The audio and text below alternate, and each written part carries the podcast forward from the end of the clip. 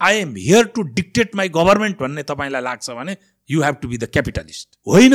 म चाहिँ सरकारको आश गर्नुपर्छ सरकारले मलाई खुवाउनु पर्छ सरकारै तोमेब माता चपिता तोमेब हो भन्ने तपाईँलाई लाग्छ तपाईँ पराश्रित हुनुहुन्छ।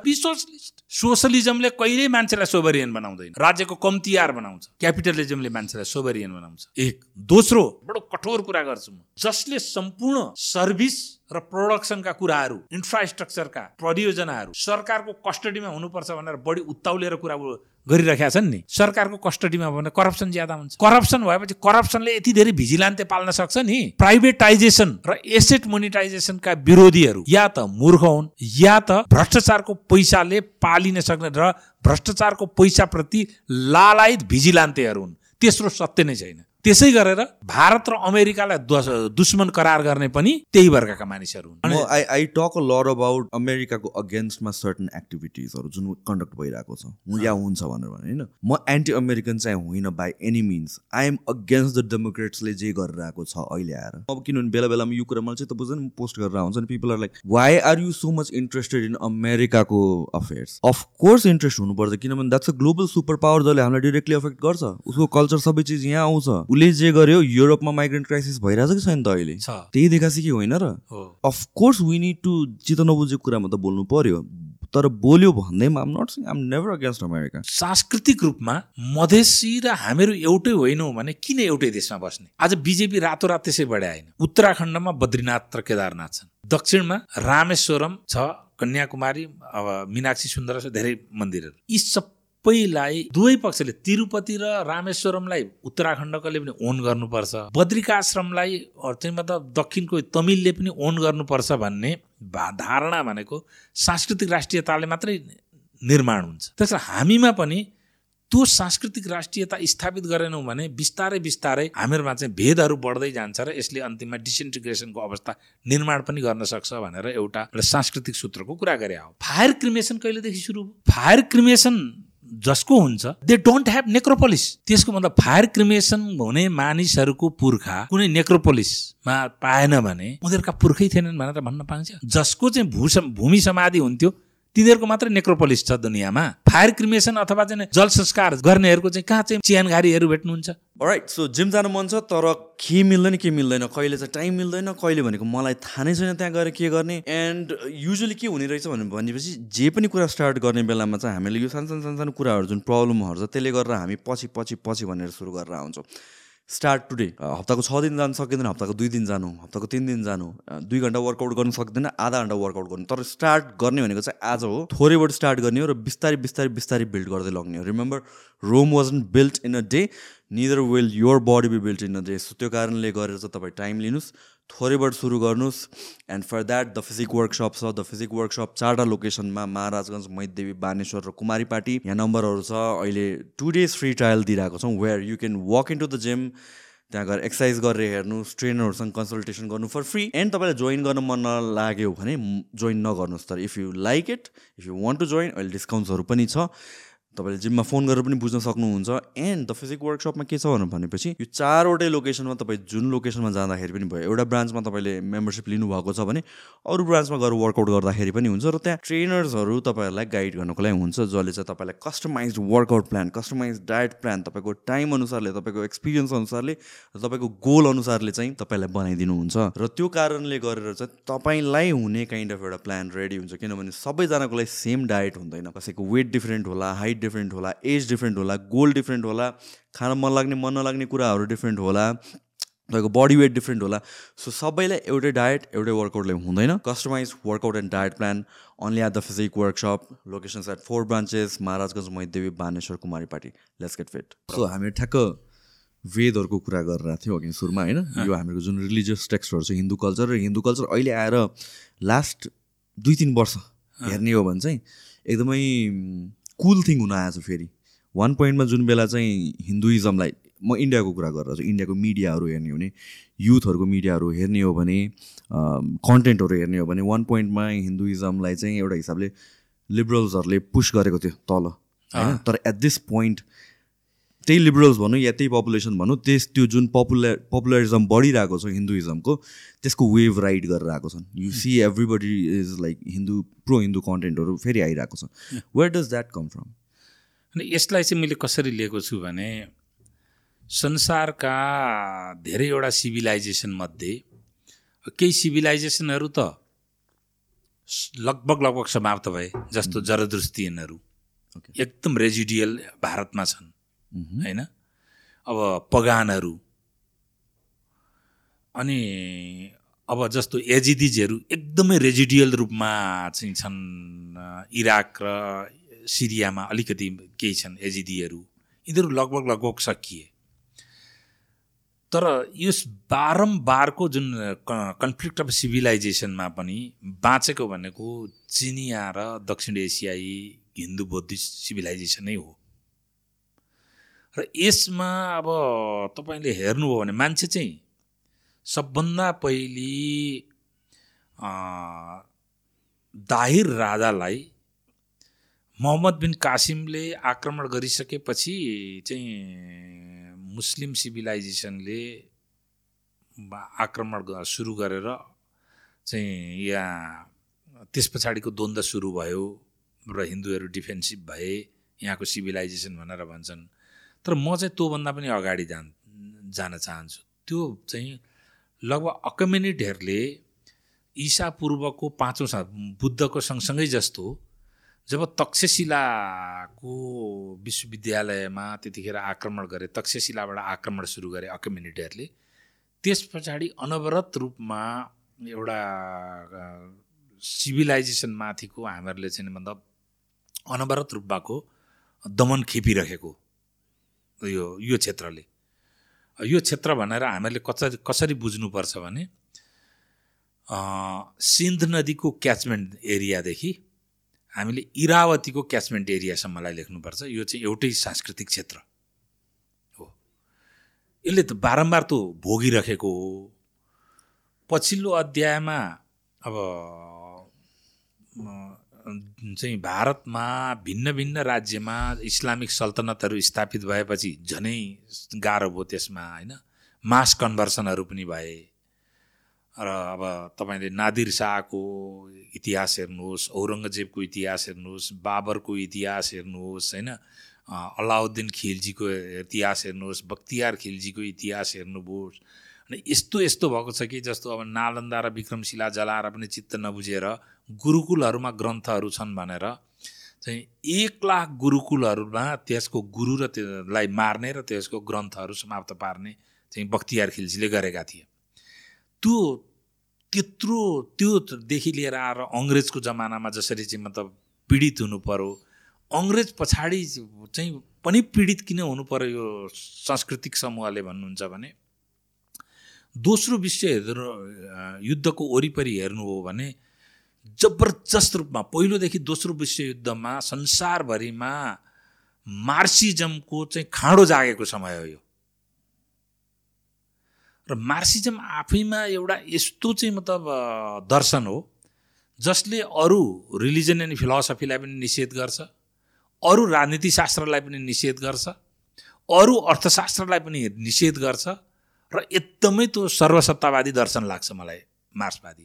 र त्यो यति ठुलो त्यसको दबाब थियो कि गैर मार्क्सवादी हुँ भनेर सत्तामा आउनेहरूले पनि मार्क्सवादका निश्चित सिद्धान्तहरूको अवलम्बन कार्यान्वयन र अङ्गीकार नगरी धर्थेन र भारत पनि त्यसको प्रेसरमा थियो नेपाल पनि त्यसको प्रेसरमा थियो।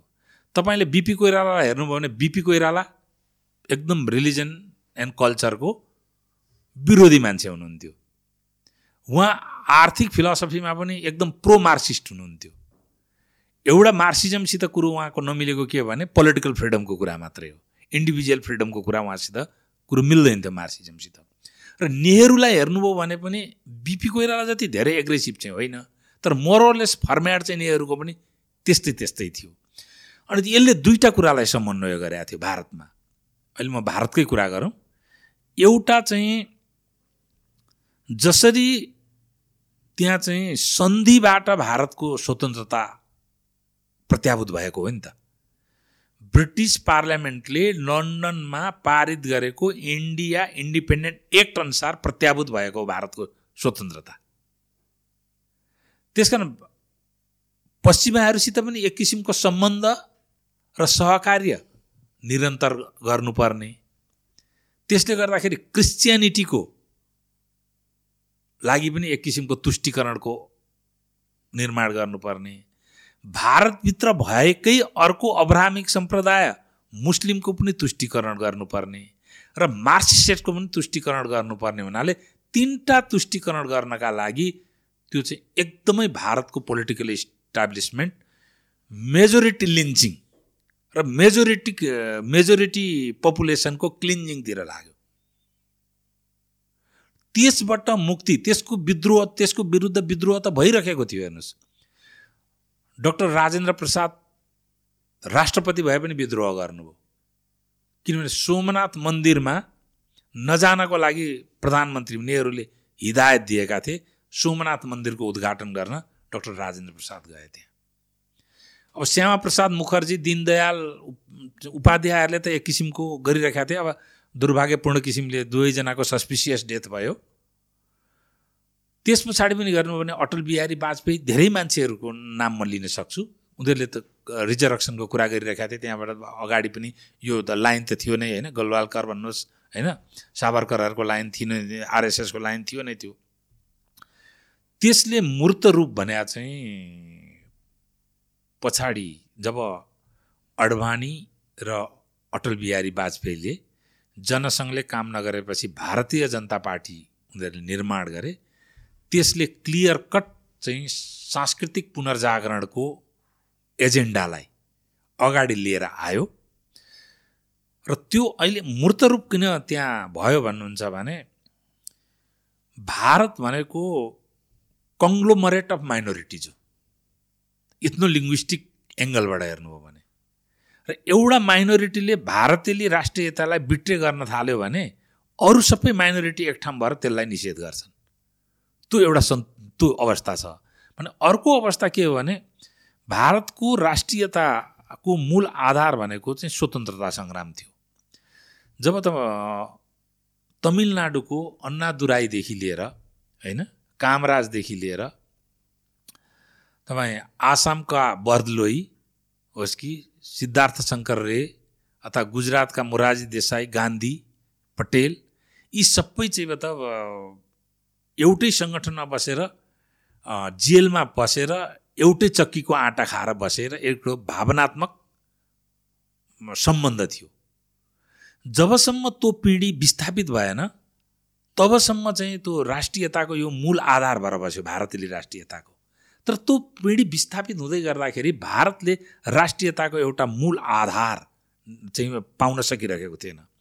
र त्यो मूल आधार चाहिँ बिजेपीले पछि लिएर आयो र संसारमै राज्यको उत्पत्ति भनेको सांस्कृतिक आधारमा भएको त्यस भारत राज्यको उत्पत्तिको सांस्कृतिक आधार के हो भन्दाखेरि सनातन हिन्दू सांस्कृतिक आधारै हो भनेर उसले क्याटेगोरिकल्ली अगाडि लिएर आयो। उसले के अरे बिजेपीले। त्यो कुरो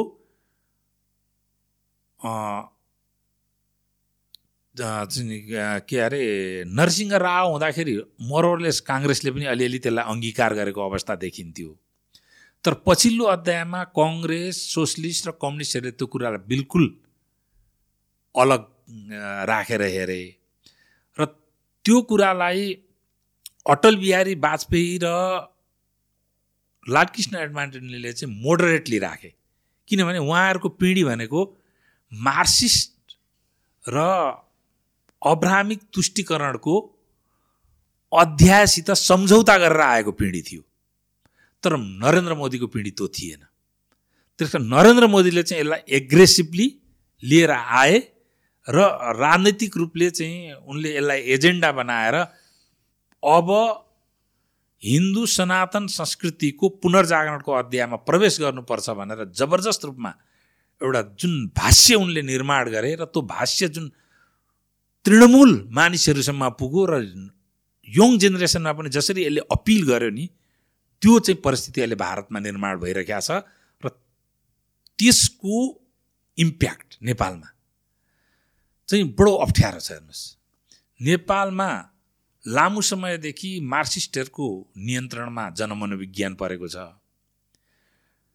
त्यसकारण भारतसितको हाम्रो परम्परागत असहिष्णुतालाई नै राष्ट्रवादको मानक मान्ने जनमग्न विज्ञान निर्माण भएको छ एकातिर।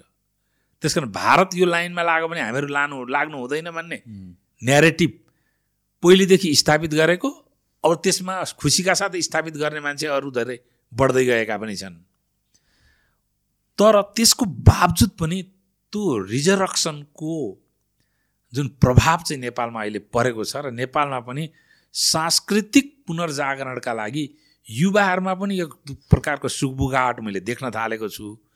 र यहाँसम्म कि माओवादी जस्तो पार्टीको सेन्ट्रल कमिटीको मेम्बरले धरि यो कुराको बारेमा आफ्नै अध्यक्षलाई मेमोरेन्डम दिएको अवस्था चाहिँ निर्माण भएको छ। It's good I like it being a conservative and being a capitalist so जुन मोदीको पनि जुन उसले एउटा यस्तो म्यासिभ पुस ल्यायो इन्डियाभरि नै होइन? अनि यो होल थिङ नै पपुलर भएर आयो हिन्दुइजमको।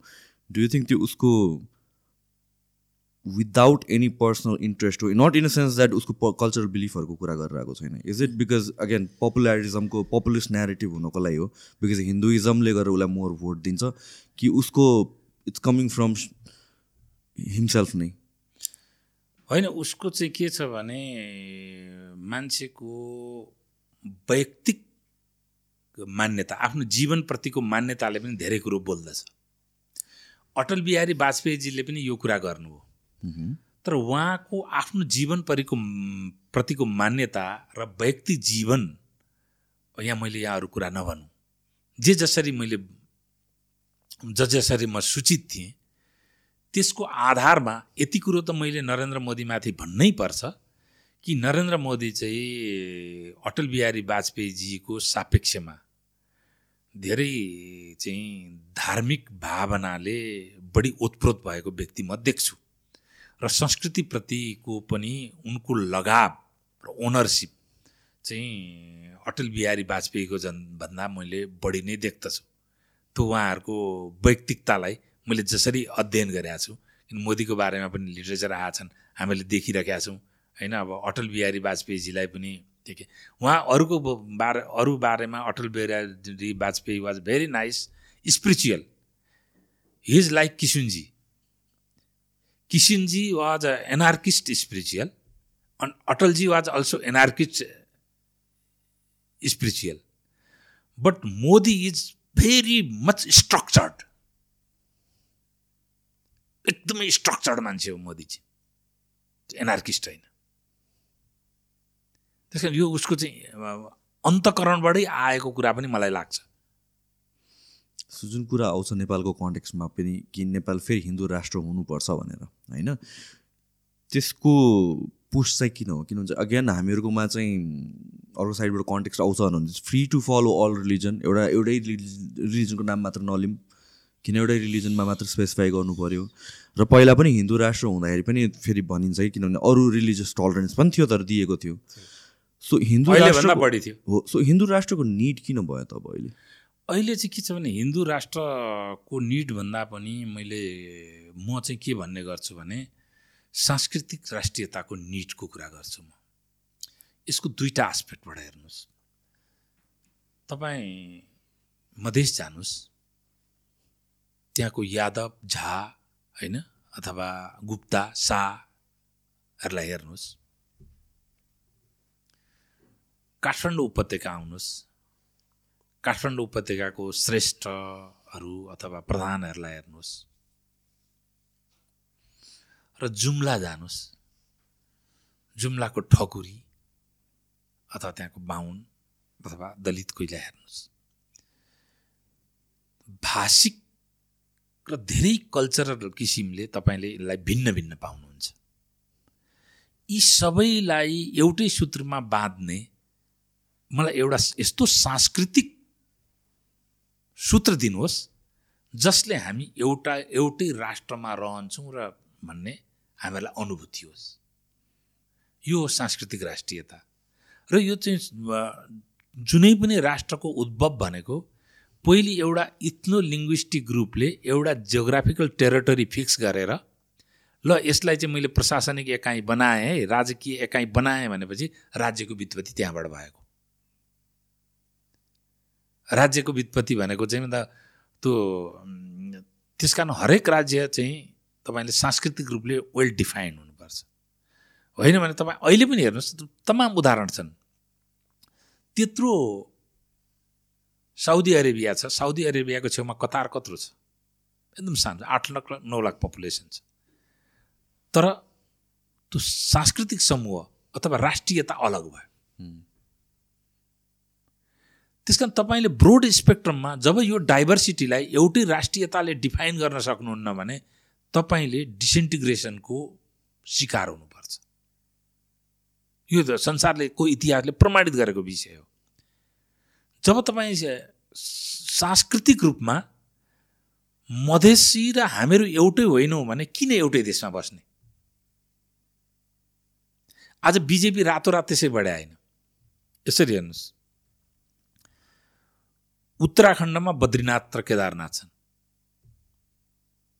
दक्षिणमा रामेश्वरम छ कन्याकुमारी अब मिनाक्षी सुन्दर धेरै मन्दिरहरू।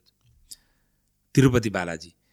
यी सबैलाई यताको मान्छे उता जाने र उताको मान्छे यता आउने पनि छ। त दुवै पक्षले तिरुपति र रामेश्वरमलाई उत्तराखण्डकोले पनि ओन गर्नुपर्छ। बद्रिकाश्रमलाई चाहिँ मतलब दक्षिणको तमिलले पनि ओन गर्नुपर्छ भन्ने भा धारणा भनेको सांस्कृतिक राष्ट्रियताले मात्रै निर्माण हुन्छ। नभए हुँदैन। त्यस हामीमा पनि त्यो सांस्कृतिक राष्ट्रियता स्थापित गरेनौँ भने बिस्तारै बिस्तारै हामीहरूमा चाहिँ भेदहरू बढ्दै जान्छ र यसले अन्तिममा डिसइन्टिग्रेसनको अवस्था निर्माण पनि गर्न सक्छ भनेर एउटा मैले सांस्कृतिक सूत्रको कुरा गरे हो। म सांस्कृतिक राष्ट्रियताको कुरा गर्छु। तपाईँलाई हिन्दू भन्नाले त ब्रोडर सेन्समा नेपालमा के देखिन्छ भने सनातन परम्परा चारवटा देख्नुहुन्छ। र सनातन परम्परामै ओल्ड पर्सपेक्टिभबाट हेर्नु हो भने दुईवटा आगन्तुक परम्परा देख्नुहुन्छ। र अब्राहमिक परम्परामा दुईवटा आगन्तुक परम्परा देख्नुहुन्छ। पहिलो रैथाने चारवटा सांस्कृतिक परम्परा भनेको हाम्रो के हो भने हिन्दू बौद्ध बौद्धमा पनि पर्टिकुलरली हेर्नुहोस् फेरि वज्रयानी महायानी र वज्रयानी यो हामीले भुल्नु हुँदैन। महायानी र वज्रयानी नै हो। र त्यस पछाडि अर्को बोन र किराँत। यी चारवटा देखिन्छन्। र अन्तर्राष्ट्रिय आधारमा सनातन परम्पराभित्रकै दुईवटा परम्परा हामीहरूमा आगन्तुक छन्। सिख र जैन। र अब्राहमिक परम्परामा नेपाल एकीकृत हुनुभन्दा अगाडि आए पनि पृथ्वीनारायण शाहको कारणले निषेध भएर गएका हुन् इसाईहरू। किन इसाईहरू त काठमाडौँमा आइसकेका थिए त्यतिखेर मल्लकै कालमा। त्यस पछाडि इसाई धेरै पछाडि आएकाहरू हुन्। तर एकीकरणभन्दा पहिले नै नेपालमा पहाडे मुस्लिमहरू चाहिँ आएका हुन् र तराईका पनि केही मुस्लिमहरू आएका हुन् एकीकरण पूर्वै। ती चाहिँ नै अब्राहमिकमा दुईवटा मतहरू आगन्तुक मतहरू छन्। यी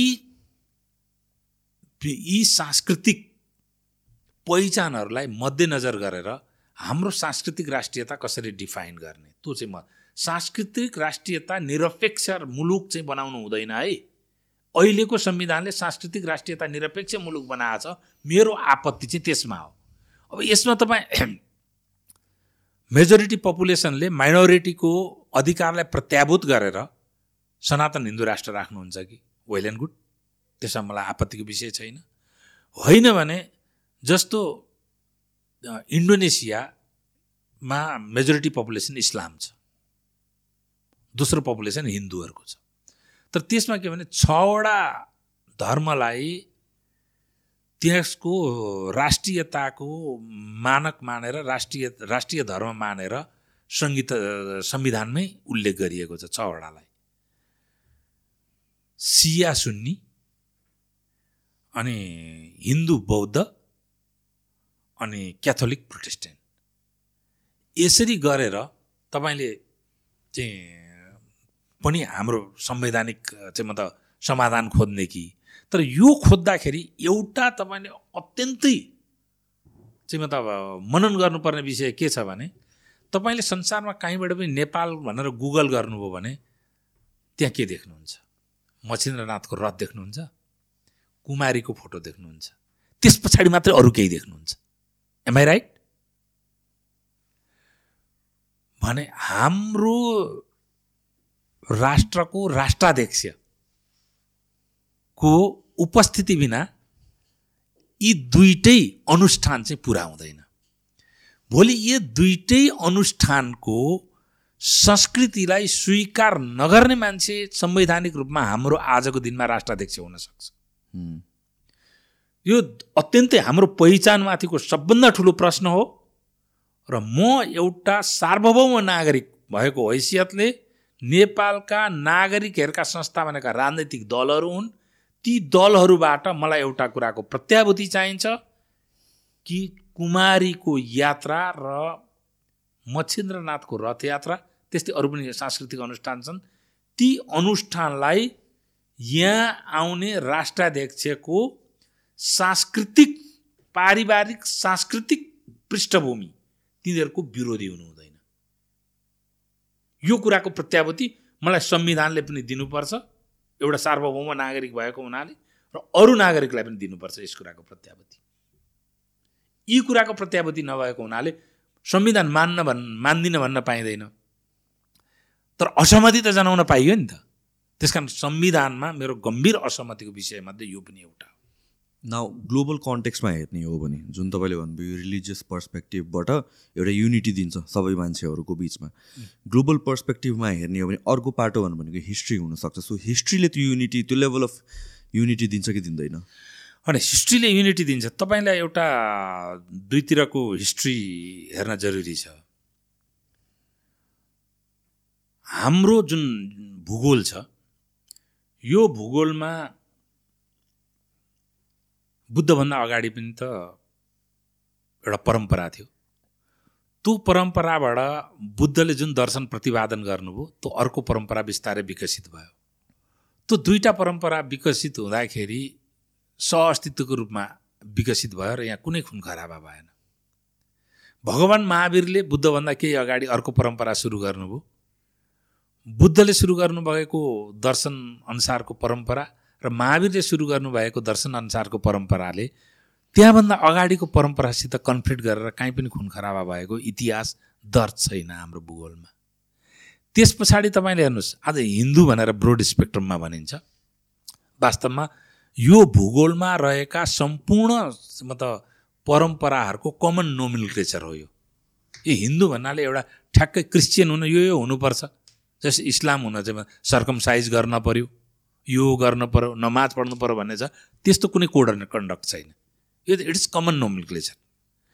त्यस अन्तर्गत तपाईँले हेर्नुभयो भने पछि आएर वैष्णव सम्प्रदायको प्रादुर्भाव भएको हुन्छ। रामानुजा पछाडि भक्ति सम्प्रदायको प्रादुर् प्रादुर्भाव भयो। वैष्णवहरू आए। वैष्णवहरू त्यहाँको अलग अस्तित्व हुँदाखेरि पनि त्यस्तो प्रकारको हुन त त्यो एउटा कमाल हसनको मुभीमा चाहिँ त त्यहाँ खुन खराबा भयो भनेर भन्छ। तर हिस्ट्रीमा त्यस्तो चाहिँ रेकर्ड छैन। अर्को तपाईँले त्यस पछाडि सिखहरू आउँदै। सिखहरू आउँदाखेरि हो केही राजासित चाहिँ अहिलेको भारतको उत्तराखण्ड र हिमाचल प्रदेशका केही राजासित मुस्लिमहरूसित सहअस्तित्वमा जाने कि लडाइँ गर्ने भन्ने कुरामा उनको कन्फ्लिक्ट भएको छ गुरु गोविन्द सिंहको। तर सिख आउँदाखेरि पनि त कन्फ्लिक्ट भएर त्यहाँभन्दा पहिलेका पन्थहरूलाई निषेध गरेर र काटमार गरेर आएको अवस्था होइन हेर्नुहोस्। त्यस पछाडि कृष्ण प्रणामीहरू आए। त्यहाँ पनि त्यस्तो अवस्था छैन। अहिले त नयाँ नयाँ गुरु परम्पराहरू आएका छन्। त्यहाँ पनि त्यस्तो अवस्था छैन। टोलरेन्स छ। तर जुडाइजमबाट क्रिस्चियनिटी आउँदा कति खुन खराब भयो? जुडाइजम र क्रिस्चियनिटीबाट इस्लाम आउँदा कति खुन खराब भयो? आज इस्लाममा मात्रै बहत्तरवटा फिर्का छन्। एउटा फिर्काले अर्को फिर्कालाई निषेध गर्न खोज्छ। जो इस्लामिक कन्ट्रीमा छन् त्यहाँ त अर्को फिर्का त लिन्चिङमा परेको छ। एक्जिस्टै गर्न सकेका छैन युद्ध भइरहेको छ। तर भारतमा हिन्दू मेजोरिटी भएको हुनाले एउटा इस्लामिक फिर्काले अस्ट्रोको इस्लामिक फिर्कालाई निषेध गर्न सकेका छैन। तपाईँले सिया बोरा भन्ने समुदाय गुगल गर्नुहोस्। त्यो सिया भएर पनि तपाईँ इरानमा त निषेधित छन् तिनीहरू। भारतमा परिपा बाँचेका छन्। अहमदियालाई ती कस्तो स्थिति छ हेर्नुहोस्। यति साह्रो स्थिति छ कि एब्डस सलाम इस्लामबाट सम्भवतः कोर साइन्समा नोबेल पुरस्कार प्राप्त पाउने मान्छे एब्डस सलाम मात्रै हुन्। पाकिस्तान बस्न नसकेर पलायन भयो उनी बिकज हि वाज अहमदिया त्यसैले यो खुन खराब र निषेध भनेको चाहिँ यो हाम्रो दक्षिण एसियाली संस्कृतिमा होइन। त्यो स्थिति छैन। कुनै पनि छ त मलाई यो पन्थहरू कतिवटा पन्थ छन् होइन। मैले अहिले नाम लिएर लिङ्गायत पन्थ छ दक्षिण भारततिर जानुभयो। यतिवटा पन्थ आउँदा पन्थहरूको उद्भव हुँदाखेरि कहिले चाहिँ मतलब त्यस्तो प्रकार खुन खराब आएर त्यस्तो प्रकारको ब्लड सेटको स्थिति आयो त दक्षिण त्यस कारण यो जुन चाहिँ मतलब एक पन्थले अर्को पन्थलाई निषेध गरेर ब्लड सेटको परिस्थिति निर्माण हुने जो संस्कृति आयो यो त एरुसलेमको वरिपरिबाट निर्माण भएको संस्कृतिको भिक्टिम भयो हाम्रो क्षेत्र पनि। चाइनिजहरू पनि त्यसको भिक्टिम भयो। चाइनामा पनि यो छैन। लाउजू आउँदा त्यहाँभन्दा अगाडि पनि त परम्परा थियो। हुन त लाउजूलाई थुनिया छ है त्यहाँको राजाले। तर थुनेको कारण चाहिँ उसले अर्को कुरा प्रचार गर भनेर होइन। तँ विद्वान छस् केही पनि बोलिनस् तैँले बोल्नुपर्छ भनेर थुने। लाउजू आउँदा पनि त कहाँ त्यहाँ त्यस्तो भयो? लाउजू पछाडि त्यहाँ त्यहाँ बुद्धिज्म पुग्यो त्यहाँ। होइन? वज्रयानमा आएन। कहाँ त्यहाँ खुन खराब भयो चाइनामा पनि त्यो भएको छैन चाइना र भारतवर्षीय संस्कृतिमा बिल्कुलै त्यहाँ नयाँ पन्थको उद्भव हुँदाखेरि पुरानो पन्थले त्यसलाई दमित गरेर समाप्त पारेको र पुरानो पन्थको माथि नयाँ पन्थले आक्रमण गरेर त्यसलाई समाप्त पारेको परिस्थिति छैन। राजा राजा बिचमा त युद्ध भयो होला। त्यो चाहिँ अर्को परिस्थिति हो। सो जस्तो कि चाइनामा पनि रिसेन्टली मस्जिदहरू भत्काइरहेको छ भन्ने सुनमा आउँछ। हजुर। Recently last couple of days विक्सको कुरा होला। सो यो हामीहरू अब एउटा वेमा हुन त पहिला हामीहरू हिन्दू राष्ट्र नै थियौँ। रिलिजियस टलरेन्स थियो ब्यालेन्स थियो। So as we move forward as the world is becoming more liberal होइन एउटा हिसाबले त्यो बेलामा यहाँ त्यो रेस्ट अफ द रिलिजनको एउटा ब्यालेन्स हुन्छ र टलरेन्स हुन्छ भनेर चाहिँ कसरी इन्स्योर गर्न सकिन्छ होला? त्यो इन्स्योर गर्न सकिन्छ एउटा यसलाई दुईवटा एङ्गलबाट हेरौँ। एउटा तपाईँले पहिले चाइनाको प्रसङ्ग निकाल्नुभयो। चाइनामा मस्जिद सरकारको जहिले पनि कुनै पनि कन्स्ट्रक्सन बनाउनु पऱ्यो भने सरकारको सहमति नलिकन बनाउन पाइँदैन। एक। र धार्मिक चाहिँ म त क्षेत्रभित्र अन्यता किसिमको क्रियाकलाप पनि गर्न पाइँदैन। त्यतिखेर राज्यले उपस्थिति जनाउँछ। यो दुईटा परिस्थिति बाहेकको हकमा चाइनामा डेलिबरेटली मस्जिदलाई भत्काइयो भन्ने कुरा चाहिँ मलाई विश्वास छैन। मैले पनि उरुम्ची बाहेक चाइनाको सब प्राय सबै ठुला सहरहरू म घुमेको छु। म आफै भौतिक रूपलाई चाइनामा उपस्थित भएको छु। अनि अब रह्यो तपाईँले जुन माइनोरिटीको इन्स्योर्ड गर्ने भन्ने सो एकछिन चाइनामै हामीहरू एकछिन कुरा गरौँ है before we move on to that किनभने चाइनामा अब अफकोर्स मिडियामालाई हन्ड्रेड पर्सेन्ट ट्रस्ट त गर्न मिल्दैन हेर्नुहोस् होइन? At this present day and age but from what I read म के अरे इस्लाम भनेको एउटा मेन्टल डिजिज हो भन्ने काइन्ड अफ स्टेटमेन्ट समवेयर मैले देखेको थिएँ in one of the news अब कतिको ट्रु हो होइन we need to verify that तर किनभने चाहिँ यत्रो वर्षदेखि त एक्जिस्ट गरिरहेको थियो वाइ अल अफ सड भन्ने यो कुराहरू आयो कि अनि यसमा चाहिँ के छ भने यो संसार चाइना मात्रै होइन पोलिटिकल इस्लामको एक किसिमको ठुलो समस्यामा संसार छ यु थिङ्क यो भर्खरको recent conflict has something to do with this त्यहाँ पनि के छ भने एउटा इस्लामको नाममा एउटा पोलिटिकल आउटफिट चाहिँ नि चाइनामा छ। त्यो चाहिँ नि इस्टर्न तुर्किमेनिस्तान इन्डिपेन्डेन्ट मुभमेन्ट भनेर। It's in Xinjiang. अनि त्यो मुभमेन्टले अब त्यसलाई चाहिँ पश्चिमका केही देशहरूले चाहिँ it is human rights related with human rights भनेको छ। तर हामीले चाहिँ it is not related with human rights it is समाउ insurgency भनेर जेनेवामा भएको भोटिङमा हामीहरूले चाहिँ चाइनाको पक्षमा मतदान पनि गरेका छौँ यसमा। तर त्यसैले म चाइनाले पिसफुल्ली काहीँ चाहिँ त नमाज अदा गरिरहेको मुस्लिमहरूको समूहमा गएर त्यसरी होस्टिलिटी व्यक्त गरेर त्यसरी चाहिँ मतलब त्यस्तो राज्यले नै त्यो क्रियाकलाप गरेको छ भन्ने कुरामा चाहिँ मलाई चाहिँ अहिले पनि मलाई विश्वास गर्न गाह्रो हुन्छ। मिडियाहरूमा जे जति आइरहेको छ। त्यसको आधारमा म त दुइटै एङ्गलबाट हेर्छु होइन? तर इटिआइएमको काहीँ पनि प्रेजेन्स भएको स्थिति आयो भने इन्डियामा मात्रै त्यहाँ मात्रै किन भन्नुहुन्छ? मुसरफले लाल मस्जिद रेड गरेको हो कि होइन? पाकिस्तानमा। लाल मस्जिद रेड गरेको हो मुसरफजीले के कारणले के कन्टेक्स्ट अरू त्यहाँ चाहिँ के छ भने इन्सर्जेन्टहरू र इस्लामिक फन्डामेन्टलिस्टहरूले होइन जिहादीहरूको जमावडा भयो र जिहादीहरूलाई इन्डोक्ट्रिनेसन सुरु गरियो त्यहाँबाट भनेर उनले त्यहाँ चाहिँ मतलब रेड गरेकै हो। त्यस्तै गरेर मजारे शरीफमा रेड भएको हो कि होइन? चरारे शरीफमा रेड भएको हो कि होइन? यस्तो भएको भर्खर पनि त दिल्लीमा जतिखेर कोरोनाको बेला मर्कज भयो होइन त्यो मर्कजमा पनि दिल्लीमा पनि रेड भएको हो। बङ्गलादेशमा पनि केही मस्जिदहरूमाथि रेड भएको छ। पश्चिममा पनि केही मस्जिदहरूमाथि रेड भएको छ। यो होलसेल अट्याक हो- यो होलसेल एट्याक होइन। तर पोलिटिकल इस्लामको संसारभरि एउटा समस्या के छ भने जहिले तहिले त भने माइनोरिटीको राइटलाई तपाईँले सम्वर्धन गर्दाखेरि माइनोरिटीबाट मेजोरिटी लिन्चिङ हुने र मेजोरिटीलाई बिस्तारै बिस्तारै निषेध गर्ने जुन नीतिहरू छन् खास गरिकन एउटा चाहिँ म त चाहिँ के भने क्रिस्चियनिटीको कल्चरल एक्सपान्सनिजम। दोस्रो इस्लामहरूको गजुवा हिन्द र निजामे मुस्तफा होइन? निजामे अमन।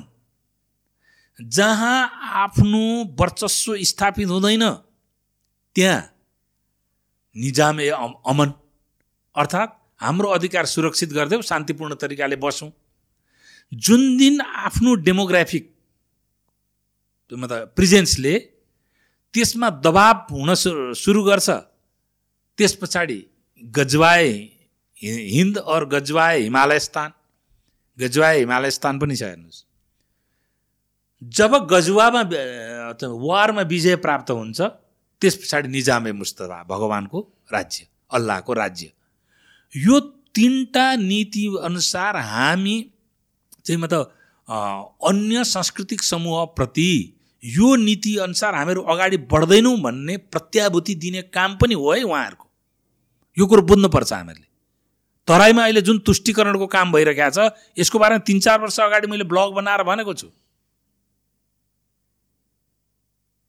जसरी तपाईँले केरलाबाट लिनुहोस् इतिहास केरलामा जब सिरियामा क्रिस्चियनहरूको द्वन्द्व भयो त्यो द्वन्द्वबाट सेकेन्ड सिईमा त्यो द्वन्द्वबाट सिरियन अर्थोडक्सहरू पलायन हुनु पर्यो। त्यो पलायन भएर सबभन्दा पहिले उनीहरूले शरण लिन आएको ठाउँ कहाँ हो भन्दा त्रिवेङ्कर अहिलेको केरला। अनि जब चाहिँ म त अली पछाडि कर्बलाको युद्ध भयो हुसेन र हसनको लागि इमाम हुसेनको एउटा समूह भयो अरू चाहिँ नि चाहिँ त अबु बाकरको अर्को समूह। अबु बाकर त पहिले हो अर्को समूह छ मैले नाम बिर्सेँ त्यसको।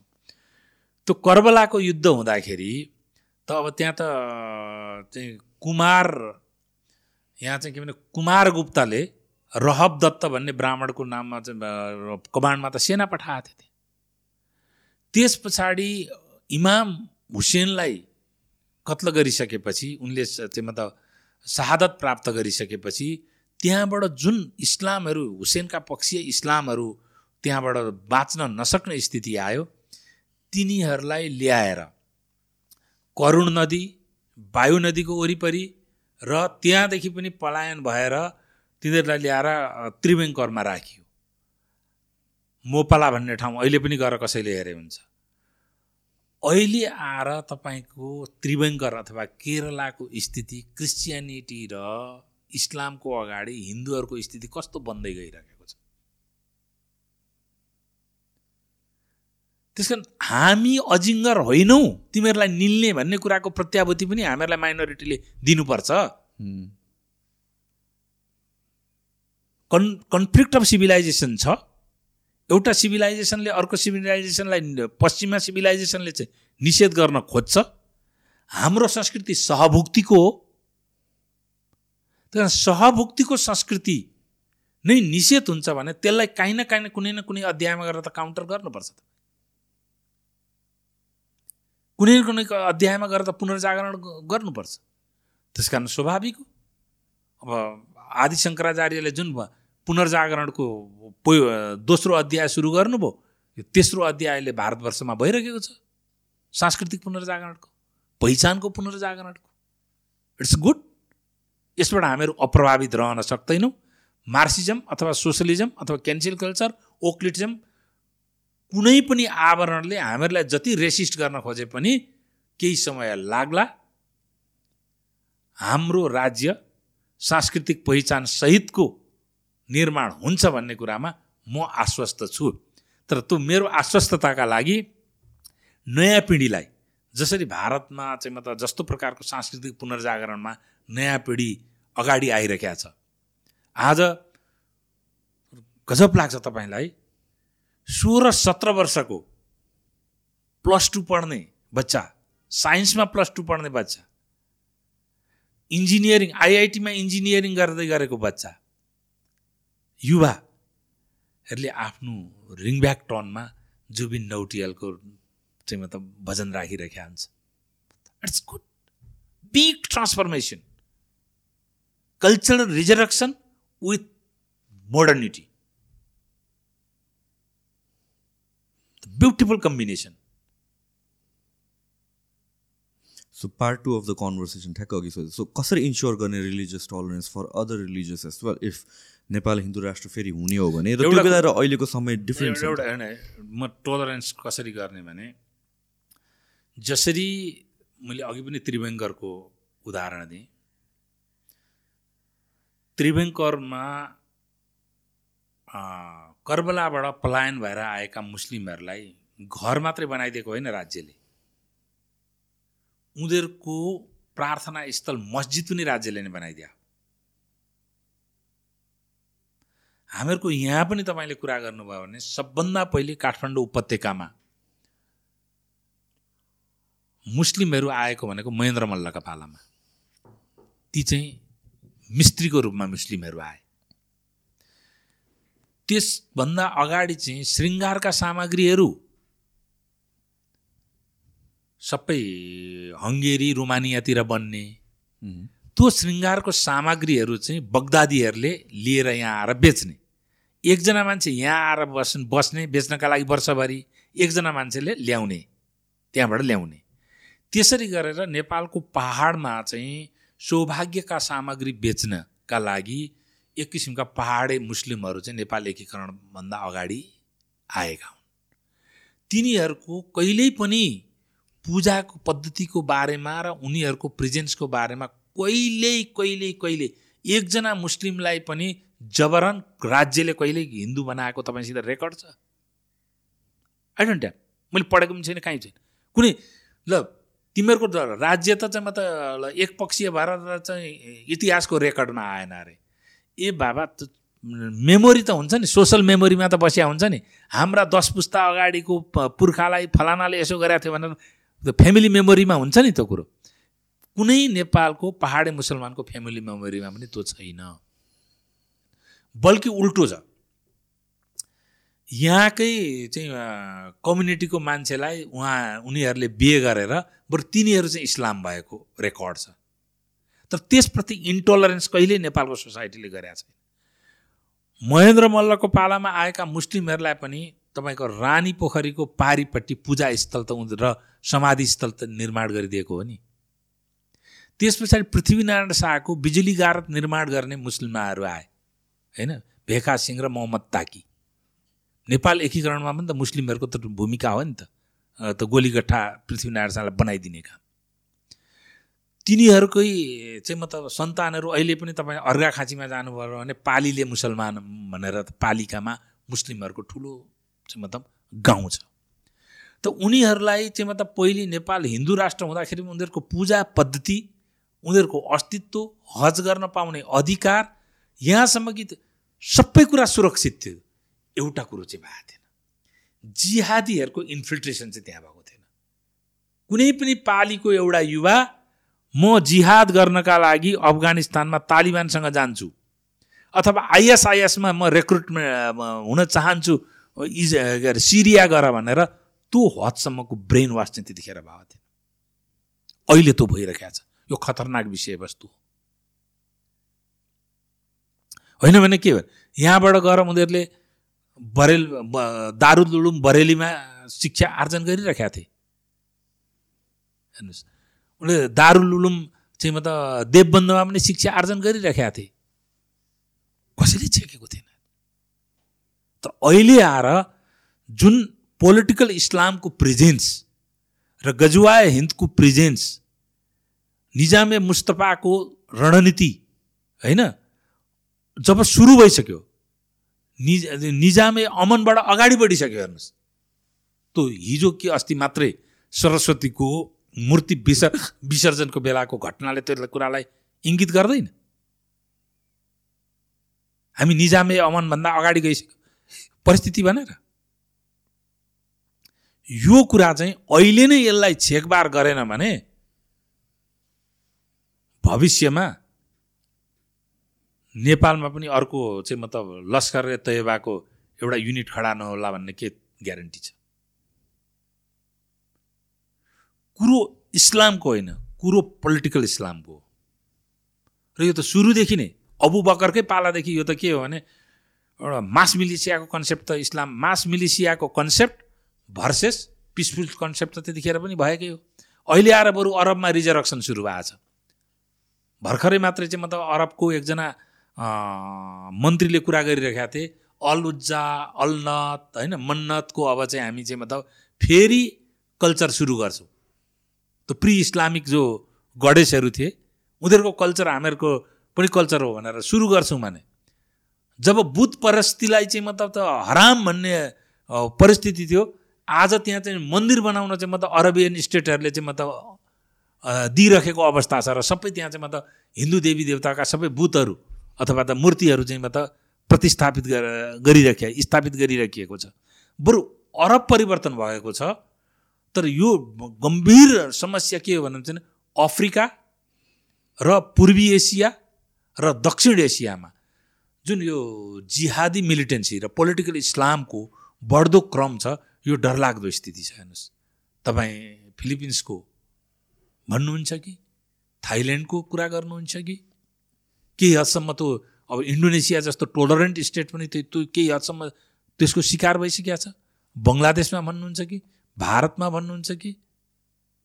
अलिकति त्यो परिस्थिति आउन दिएको छैन। मलेसियाले कन्ट्रोल गरेका छ। तपाईँ चाहिँ मतलब पाकिस्तानमा भन्नुहुन्छ कि?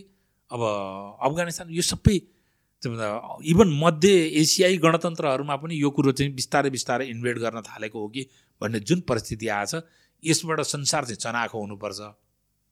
र यो तर यो एउटा यस्तो मुद्दा हो जुन मुद्दाले रसिया अमेरिका चाइना भारतलाई एउटै ठाउँ उभ्याइरहेका छ सबैको समान रूपको तनाव हो।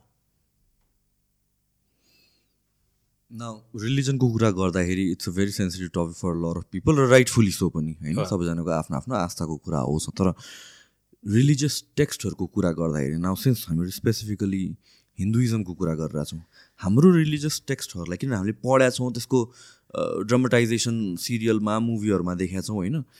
त्यसलाई हामीले हिस्ट्री भनेर मान्ने कि एउटा यो कल्पना हो लिट्रेचर हो भनेर मान्ने? यो एउटा तपाईँलाई बडो एकदमै राम्रो चाहिँ म त कुरा तपाईँले लिएर आउनुभयो है? मलाई अचम्म लाग्छ। यो एकाडेमियाको डबल स्ट्यान्डर्ड देखेर मलाई धेरै म आहत पनि भएको छु यसमा। तपाईँलाई ओडेसी क्रिक महाकाव्य ओडेसीको मेनस्क्रिप्ट कहीँ छ अहिले कुनै स्टोनमा लेखिएको छ त्यो कुन परम्पराबाट आयो कि ओरल ट्रेडिसनबाट आयो होइन भने त्यतिखेर भोजपत्र अथवा टाटपत्रमा लेखिएर आयो जो लामो समयसम्म रहन सक्दैन तर त्यो चाहिँ हिस्ट्री अनि त्यस पछाडिका हेरोडर्सको पनि हिस्ट्री। अनि चाइनिज पनि ओरल ट्रेडिसनमा आयो त्यो पनि हिस्ट्री। नेपालमा पनि हेर्नुहोस् किराँतको र जुन गोपाल र महिषपालको वंशको कुरो आएको छ यो पनि त ओरल ट्रेडिसनमा आएको हिस्ट्री हो नि। त्यो पनि हिस्ट्री। तर जुन लिनियज सहित ओरल ट्रेडिसनमा आएर जब लेख्न थालियो लिखित हिस्ट्री आयो पुराणहरू त्यो चाहिँ हिस्ट्री होइन अरे। केवल पुराणहरू मात्रै हिस्ट्री होइन अरे। अब तपाईँलाई किन भन्दाखेरि मिथक माइथोलोजी यो मार्सिट सबभर्सन र चाहिँ मतलब अब्राहमिक सम्भर्सनले हामीहरूलाई पीडित बनायो।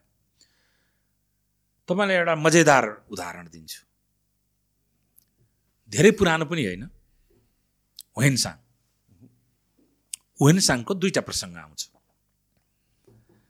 एउटा सम्राट अशोकलाई लिएर प्रसङ्ग आउँछ एउटा पाटलीपुत्रलाई लिएर धेरै प्रसङ्ग आउँछ लिएर आउँछ। तर त्यसलाई हिस्ट्री मानिएको छ। जस्तो कलिङ्गको वारबाट यो भनेर एउटा हिस्ट्री आउँछ तर वेन्साङको र चाहिँ श्रीलङ्कन टेक्स्ट हेर्दाखेरि चाहिँ अशोकले पाटलीपुत्र अरे कलिङ्गको वारबाट चाहिँ गरे होइन भनेर आउँछ। त्यो वेन्साङको चाहिँ लिटरेचरले के भन्छ भने अशोकले चाहिँ बोधि वृक्षलाई काटिदिए। त्यो काटिदिएर यसको दाउरा नसकिन्जेल होम गर्न भनेर एउटा ब्राह्मणलाई भने। त्यो होम गरिसक्दाखेरि त सबै दाउरा त के भने खरानी भयो। त्यो खरानी भएको भोलिपल्ट चाहिँ त्यो भस्मबाट त्यो खरानीबाट नै अर्को बोधि वृक्ष तयार भयो। जसलाई भोस भस्म बोधि वृक्ष भनियो। त्यो भएपछि त्यो चमत्कारले चाहिँ प्रभावित भएर उनले चाहिँ धम्म ग्रहण गरेर बुद्धको उपदेशहरू चाहिँ प्रचार गर्न थाले। अशोकले भनेर त्यहाँ लेखिया छ। फेरि त्यो कुरो चाहिँ उनको महारानी तिस्य रक्षितालाई चित्त बुझेन। उनले फेरि त्यसलाई काटेर समाप्त पारिदिन्। त्यो काटेर समाप्त पारेपछि एक सयवटा कि कतिवटा गाईको दुध फेरि हालेपछि भोलिपल्ट त्यो वृक्ष त्यत्रै भयो अरे। त्यो हिस्ट्री काहीँ तपाईँले भस्मबाट फेरि बोधि एकै दिनमा ठुलो वृक्ष बन्छ? साइन्टिफिकल्ली इज इट पोसिबल छैन। दोस्रो सयवटा गाईको दुध हाल्दाखेरि फेरि काटेको रुख भोलिपल्ट त्यत्रै हुन्छ। यसप्रति कसैको आपत्ति छैन। अर्को पाटलीपुत्रको नामाकरणको बारेमा पनि पट्टलको हाँगाबाट एउटा राजकुमार जन्मियो र त्यसैले राज्य गरे हुनाले पाटलीपुत्र भन्यो। पट्टलको हाँगाबाट राज राजकुमार जन्मिन्छ। Scientifically possible. यस्तै धेरै मेटाफरहरू पुराणहरूमा प्राप्त हुन्छ। वेदमा त त्यस्तो खास छैन। पुराणहरूमा प्राप्त हुन्छन्। है। सो म एउटा क्वेसन सोधिहालौँ यही कन्टेक्स्टमा है। किनभने अगेन यो आई थिङ्क यो कतिवटा बिलिभ गर्नलाई अप्ठ्यारो हुने जस्तो कि हाम्रो रिलिजियस टेक्स्टहरूलाई पनि कति कन्टेक्स्टमा बिलिभ गर्न अप्ठ्यारो हुने it's because of the metaphors त्यो मेटाफोर नै हो कि त्यो इट्स जस्ट लिटरली भन्न खोजे हो भने लिटरली ग्रहण कसरी गर्ने पनि भने तपाईँले एउटा ऐतेरीय ब्राह्मणको एउटा प्रसङ्ग लिन्छु। है। त्यतिखेर चाहिँ देव देवताहरूले यज्ञानुष्ठान गर्नका लागि नक्षत्र भेटेनन्। है? त्यो नभेटेपछि उनीहरू अदिति कहाँ गए? अनि अदितिले चाहिँ के भनिन्छ भने त्यो अदिति भनेको पुनर्वसु नक्षत्रको एउटा तारा हो। अनि अदितिले चाहिँ के भन्छन् भने मबाटै सुरु हुन्छ र मबाटै अन्त्य हुन्छ। तिमीले अरू चाहिँ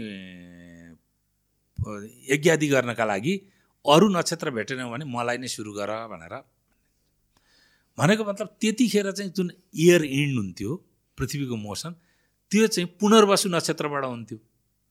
त्यो चाहिँ आजको डेटमा डेट क्यालकुलेसन गर्ने सफ्टवेयरमा तपाईँले हान्नुभयो भने त्यो चाहिँ बहत्तर सय वर्ष अगाडिको परिस्थिति डेट आउँछ आजभन्दा।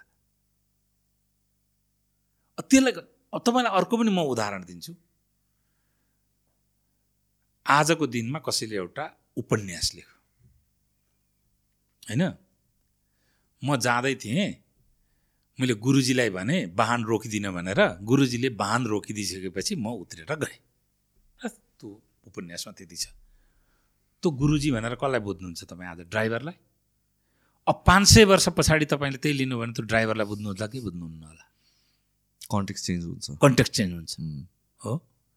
त्यस कारण पश्चिमको पनि हिस्ट्री जहिले पनि स्टोरीबाटै सुरु भएको छ। धेरैवटा अनुनाकीदेखि लिएर त सुमेरियन पनि स्टोरीबाट सुरु भएको छ।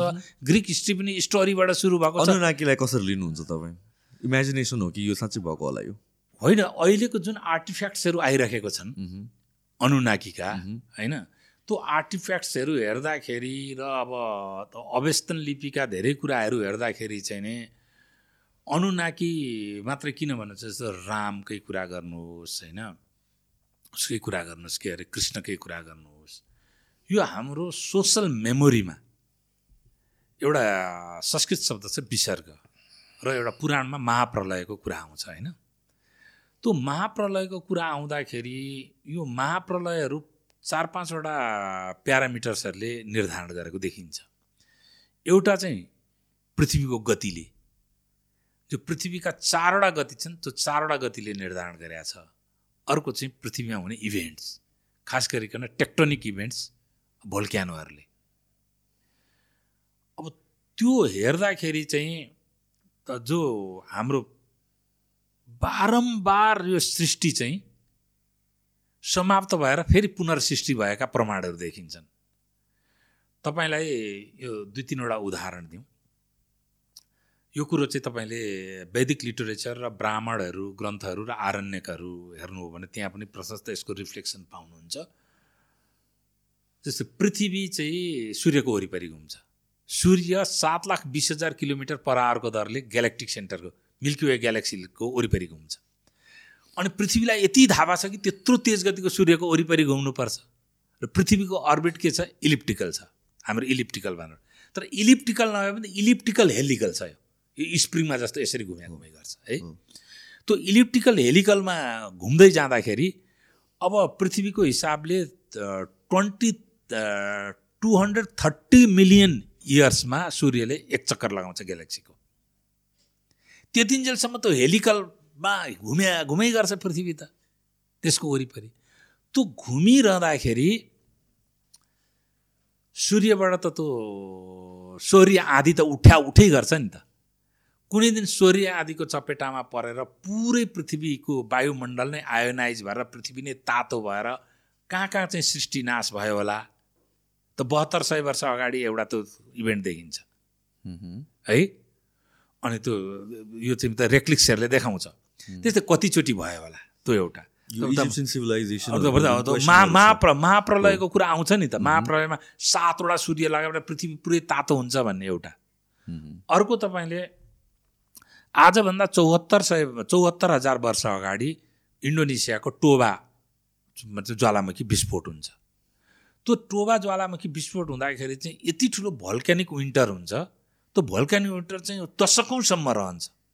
त्यसले गर्दा पुरै संसारको सृष्टि चाहिँ नै समाप्त हुन्छ। त्यो सृष्टि समाप्त भएर के रेकर्डमा पाइन्छ भने जो नन अफ्रिकन ओरिजिनका मानिसहरू छन् संसारमा जति तिनीहरू चाहिँ यही भारतवर्षबाट नै बाहिर गएका हुन् र तिनीहरूको चाहिँ ब्रिडिङ भनौँ न रिप्रोडक्सन गर्न सक्ने चाहिँ जोडी चाहिँ दस हजार मात्रै बाँकी थियो अरे। त्यसैबाट यो चाहिँ अहिले सृष्टि भयो भन्ने त्यो आउँछ त्योभन्दा अगाडिको सिभिलाइजेसनको बारेमा अब एउटा मैले नाम बिर्सेँ तपाईँले अब म कसैले चाह्यो भने म त्यसको रिफरेन्स दिन सक्छु।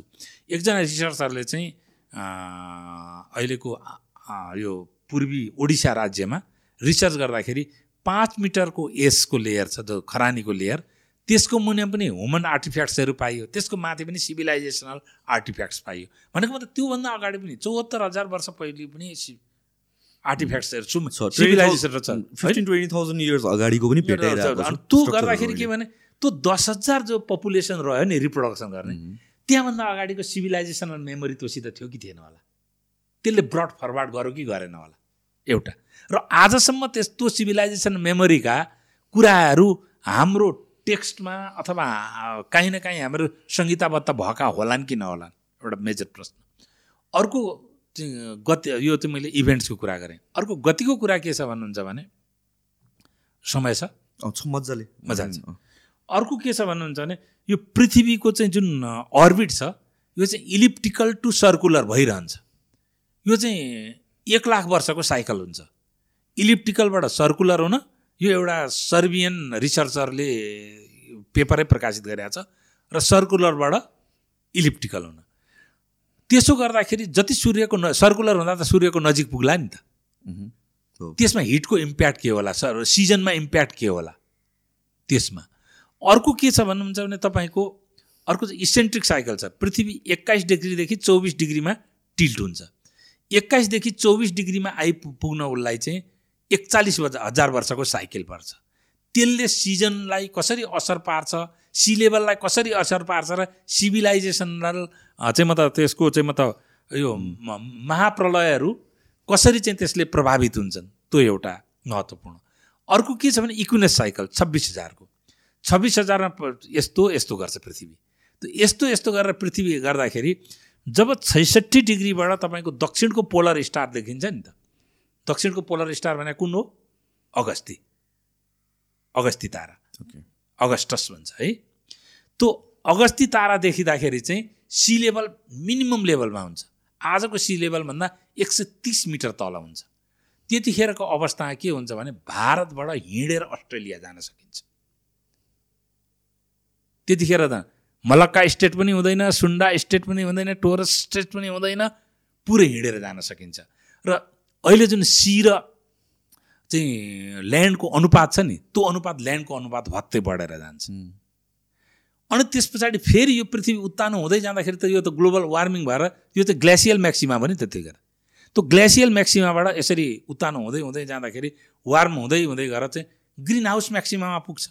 त्यतिखेर के भने सी लेभल बढ्छ र सी लेभलले सिभिलाइजेसनलाई आफ्नो कोस्टल एरियाबाट धकेल्दै धकेल्दै धकेल्दै धकेल्दै गर्मीले माथि चढ्दै चढ्दैछन् भयो त हिमालयतिर पुग्छ। फेरि त्यो छब्बिस हजार वर्षमा हिमालयतिरबाट चाहिँ चिसो भएर ओर्लिँदै ओर्लिँदै ओर्लिँदै ओर्लिँदै सम्भवतः समुद्रको छेउमा पुग्छ। यो साइकल कहिलेदेखि चलेको छ होला?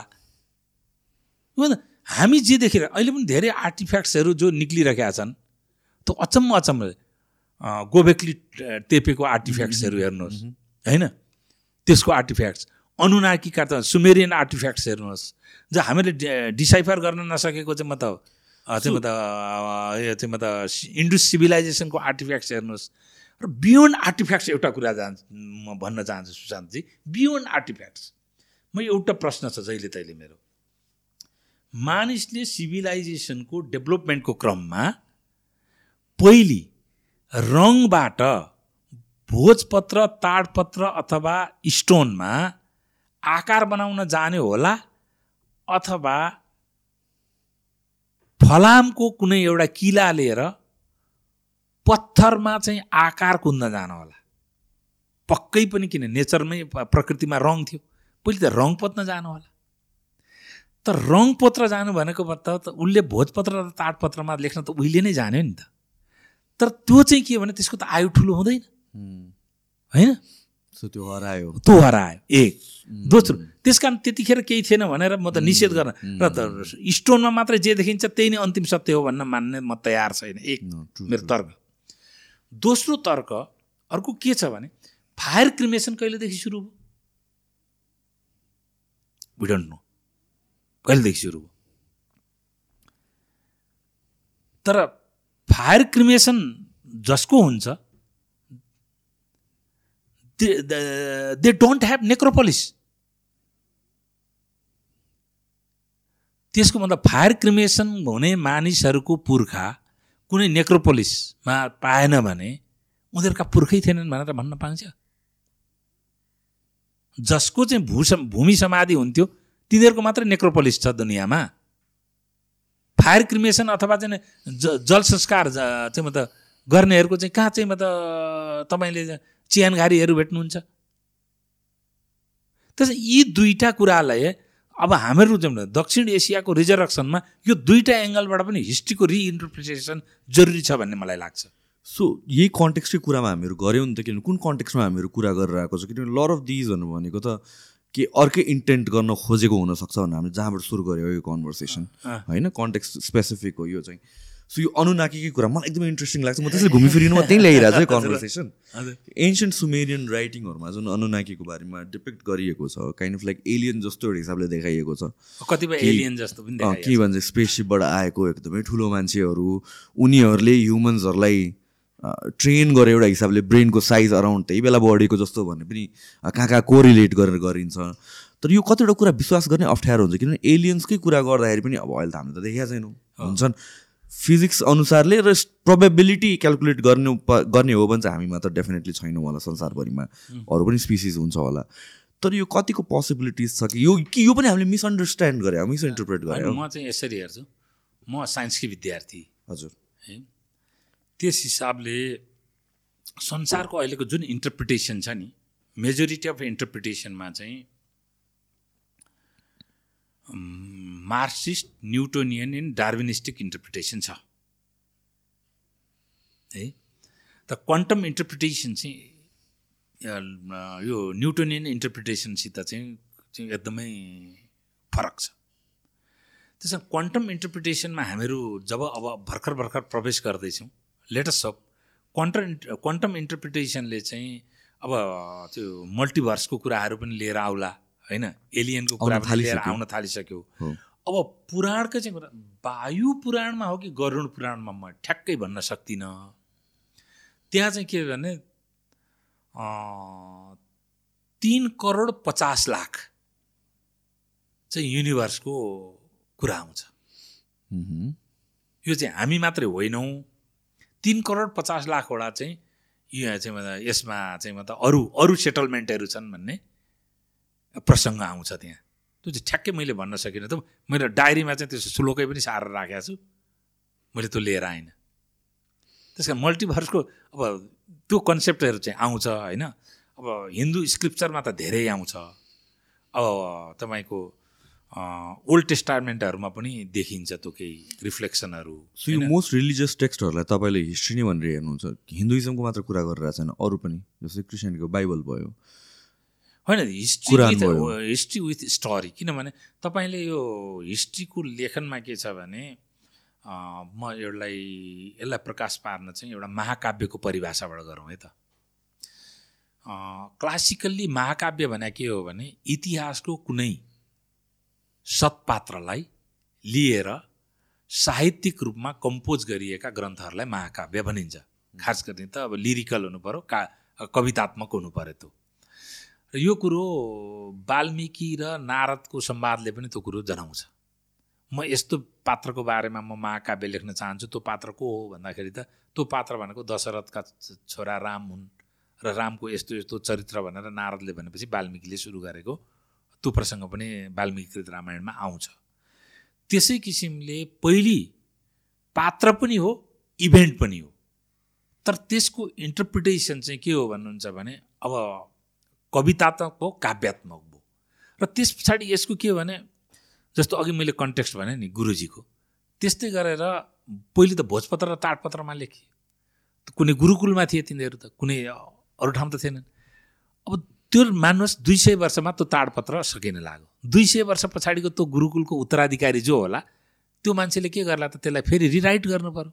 रिराइट गर्दाखेरि दुई सय वर्ष अगाडिको जुन टेक्सचुअल सिचुएसन हुन्छ। त्योसित उसले असहमति राखेर अरू केही उसले त्यहाँ थप्यो। त्यसलाई भनिन्छ छेपक। छेपकहरू आउँदै गयो होला। त्यसमा कतिवटा छेपक भए। अनि त्यसलाई महिमा फलानालाई सुरवीर गर्नेलाई चाहिँ अब मेटाफरहरू प्रयोग गरेर फलानु उडेर त्यहाँ पुग्यो। अहिले फलानु मान्छे चाहिँ उडेर त्यहाँ पुग्यो भन्दाखेरि के भने छिटो त्यहाँ पुग्यो भन्ने हामीहरू बुझ्छौँ नि त। त्यहाँ पनि उडेर त्यहाँ पुग्यो भन्दाखेरि त्यो मान्छे उड्यो नि होला भन्ने पछि चाहिँ म त प्रयोग गरियो होला होइन? सिरियलहरूमा त्यही देखायो त्यही- अब कति कुराको चाहिँ त्यो भाष्यान्तर भयो होला कति कुराको चाहिँ म त होइन अर्थान्तर भयो होला। र त्यस पछाडि सबभन्दा ठुलो यहाँ चाहिँ म त डेभिएसन र धेरै कुरा चाहिँ कहाँबाट अलिकति फरक पर्न गयो भने जतिखेर बख्तियार खिलजीले यो चाहिँ नालन्दा र विक्रमशिला जलाए त्यो जलाएर उनी वर्ष एकदम स्मित मुद्रामा खुसी भएर बसेको बेला उनको पीरले उनको गुरुले किन खुसी भइस् भनेर सोध्छन्। सोद्धाखेरि होइन मैले अब हिन्दू र बुद्धिस्टको चाहिँ केही पनि बाँकी राखिनँ भने। होइन। सबै त्यतिखेर ब्राह्मण भन्नाले अहिले चाहिँ त बाहुन एउटा स्पेसिफिक जाति लिइन्छ। तर ब्राह्मण भन्नाले चाहिँ के बुझ्नुपर्छ भने होयनसाङ फायनको चाहिँ म त किताब पढ्नु हो भने पनि त्यतिखेर मायानी र हिनयानी ब्राह्मणका बिचमा भयङ्कर ठुलो चाहिँ संवाद हुँदो रहेछ शास्त्रार्थ हुँदो रहेछ र त्यो शास्त्रार्थ कहिलेकाहीँ लडाइँमै परिणत हुँदो रहेछ भनेर लेख्या छ। भनेको हिनयानी र मायानी भने त बुद्धिस्ट हुन् नि उनीहरूलाई पनि ब्राह्मण भनिएको छ। त्यस कारण त्यो गुरुकुलका ब्राह्मणहरूसित चाहिँ को त्यो मेमोरीमा छ यो? तिनीहरूलाई मार्नपर्छ र तिनीहरूसित पनि गुरुकुलमा सङ्ग्रहित छन् यी ग्रन्थहरू तिनीहरू पनि नष्ट पार्नुपर्छ भनेपछि एक लाखवटा गुरुकुलमा खोजेर त्यहाँको मूल गुरु ब्राह्मणहरूलाई मार्ने र त्यहाँको ग्रन्थहरू जलाउने काम गरियो। त्यस पछाडि जेल त्यसलाई चाहिँ अब मेम बाँकी रहेका मान्छेले दस आठजनाको मेमोरी दुई चारजनाको मेमोरीमा फेरि त्यसलाई रिसेट गरेर जुन लेखियो नि त्यो लेखिँदाखेरि कतिवटा काहीँ काहीँ बिर्सियो भने त्यसमा अब यो चाहिँ बिर्सियो ल यसलाई पछि चाहिँ राखौँ भनेर छेपकहरू व्यापक रूपमा आए। त्यस कारण छेपकहरू व्यापक चाहिँ भक्ति मार्गको सुरु भए पछाडि र तेह्रौँ त्यहाँ बख्तियार खिल्जीको आक्रमण पछाडि व्यापक रूपमा छेपक आएर हाम्रा पुराण आदि ग्रन्थहरूमा धेरै कुराहरू चाहिँ अलिकति त्यस्ता अविश्वसनीय जस्तो विषय जस्तो लाग्ने पनि आयो। कतिपय चाहिँ हामीले मेटाफरलाई राम्ररी चाहिँ मतलब इन्टरप्रिटेसन गर्न नसकेको पनि अवस्था रह्यो भन्ने मलाई लाग्छ। तर यो चाहिँ हिस्ट्री नै हो हिस्ट्री विथ स्टोरी हो। त्यो पहिली हिस्ट्री म एकदमै वेन्साङको हिस्ट्रीमा पनि स्टोरीहरू छन् फायनको हिस्ट्रीमा पनि स्टोरीहरू छन् सिसेरोको हिस्ट्रीमा पनि त्यही छ हेरोडसको हिस्ट्रीमा पनि त्यही छ होइन? धेरै स्टोरी एकदम इन्डिका भनेर भन्छ। इन्डिका पनि ओरिजिनल टेक्स्ट पाइँदैन मेगास्थनिजको। त्यो इन्डिकाको त उसमा पनि त्यही छ कि? भने त्यसरी हिस्ट्री विथ स्टोरी हुन्छन्। कोही अशोकको बारेमा भयो होला कोही चन्द्रगुप्त मौर्यको बारेमा होला पात्र र घटना हो तर त्यसमा केही स्टोरीहरू बढी जोडिएको हुनसक्छ। त्यसै गरेर राम पात्र पनि हो घटना पनि हो। स्टोरी जोडियो होला। कृष्ण पात्र पनि हो घटना पनि हो स्टोरी जोडियो होला। कृष्णको त किन तपाईँले मगधको राजवंश हेर्नुभयो भने पुरै जरासन्ध भनेको त भीमले मारे हो नि त। जरासन्धदेखि धनानन्दसम्म जोडिन्छ। एउटा पिँढीलाई तपाईँले पच्चिस हजार वर्ष राख्नुभयो भने भने त्यो ठ्याक्कै जस्टिफाई हुन्छ पाँच हजार दुई सय वर्ष। अझ त मेगास्थनिजले पनि के लेख्या छ भने त्यतिखेरको चन्द्रगुप्त मौर्यभन्दा अगाडि चन्द्रगुप्त मौर्यको पालामा राजदूतबाट आएको हुन् मेगास्थनिज मेगास्थनिजले चन्द्रगुप्त मौर्यभन्दा अगाडि एक सय साठीजना राजाले मगधमा राज्य गरेका छन् भनेर लेखेको छ। एक सय साठीलाई पच्चिसले गर्नुभयो कति चार हजार वर्ष जाने हुन्छ। त्यो त झन् धेरै आउँछ। बिसै वर्ष लाग्नु भने बत्तिस सय वर्ष। बत्तिस सय वर्ष र हिसाब त जोड्नुहोस् बाहुन्न त्रिपन्न सय वर्ष महाभारतको काल। यसरी त्यो मात्रै होइन। तपाईँले महाभारत र यी सबैमा के छ भने एस्ट्रोलोजिकल प्याराडाइम उल्लेख छ। त्यो एस्ट्रोलोजिकल प्या जुन व्याख्या छ त्यसलाई चाहिँ हामीहरूले अहिले क्यालकुलेसनमा राख्यौँ भने पनि धेरैको कालमान निर्धारण हुन्छ। यसमा त I am starting new the podcast regarding redeciphering of Vedic era and parallelness of eastern ancient philosophy and modern physics यसको बारेमा लिएर म त म त सुरु पनि गर्दैछु। सो मेन कुरा कन्फ्युजिङ कहाँ हुने रहेछ भने चाहिँ पहिलो कुरा चाहिँ हामीले त्यसलाई क्वाइट लिटरली नै लिन्छौँ जे लेखिएको छ। अन टप अफ द्याट हाम्रो अन्डरस्ट्यान्डिङ मोस्ट पिपलको कुरा गरिरहेको छु म अन्डरस्ट्यान्डिङ अफ यो religious टेक्स्टहरू is not by religious text itself but by dramatization जुन हामी टिभीमा हेर्छौँ। जुन हामी टिभीमा हेर्छौँ सिरियलहरूमा रामायण महाभारत जुन हेर्छौँ अब यहाँ हिसाबले बुझ्छौँ। भन्ने बित्तिकै नीतिश भारद्वाजको इमेज आउने भयो कि टाउकामा। एक्ज्याक्टली र अर्को कुरा चाहिँ के हुन्छ भनेपछि अगेन तपाईँले राम्रो हिसाबले भन्नुभयो उडेर पुग्यो भनेको छिटो पुग्यो होला तर वी एक्चुली इमेजिन त्यतिखेर उडेर नै गएको होला। अन्त क्वेसनहरू आउँछ त्यतिखेर प्लेन्सहरू थियो कि थिएन के थियो यसमा चाहिँ म त अच्छा म अहिले तपाईँलाई चाहियो भने म दिन्छु। भारद्वाजको विमान शास्त्र भन्ने पुस्तक मसँग छ। भा त्यसको अगाडि चाहिँ म त जुन लेखिएको हुन्छ नि प्राक्कथन प्राक्कथनमा के लेखिया छ भने पाँच सयवटा सूत्र छन् विमान बनाउने भनेको छ। तर त्यहाँ चाहिँ चारवटा सूत्र मात्रै छन् अरू चार सय छ्यानब्बेवटा सूत्र चाहिँ मिसिङ छ। तर त्यो चारवटा सूत्रमा पनि विमान उडाउन के गर्नुपर्छ विमान कस्तो प्रकारको हुन्छ भने त्यो चारवटा सूत्रमा पनि लेखिएको छ हेर्नुहोस्। न त्यो मोडर्न इन्जिनियरिङसँग पनि म्याच हुन्छ। म्याच यस्तो यस्तो विमान हुन्छ त्यसको चाहिँ सबै विवरणहरू लिएको छ। म त्यसको चाहिँ अब नेपाली अनुवाद गरौँ भनेर प्रयत्न गर्दैछु। त्यो त्यो लेखिया छ होइन।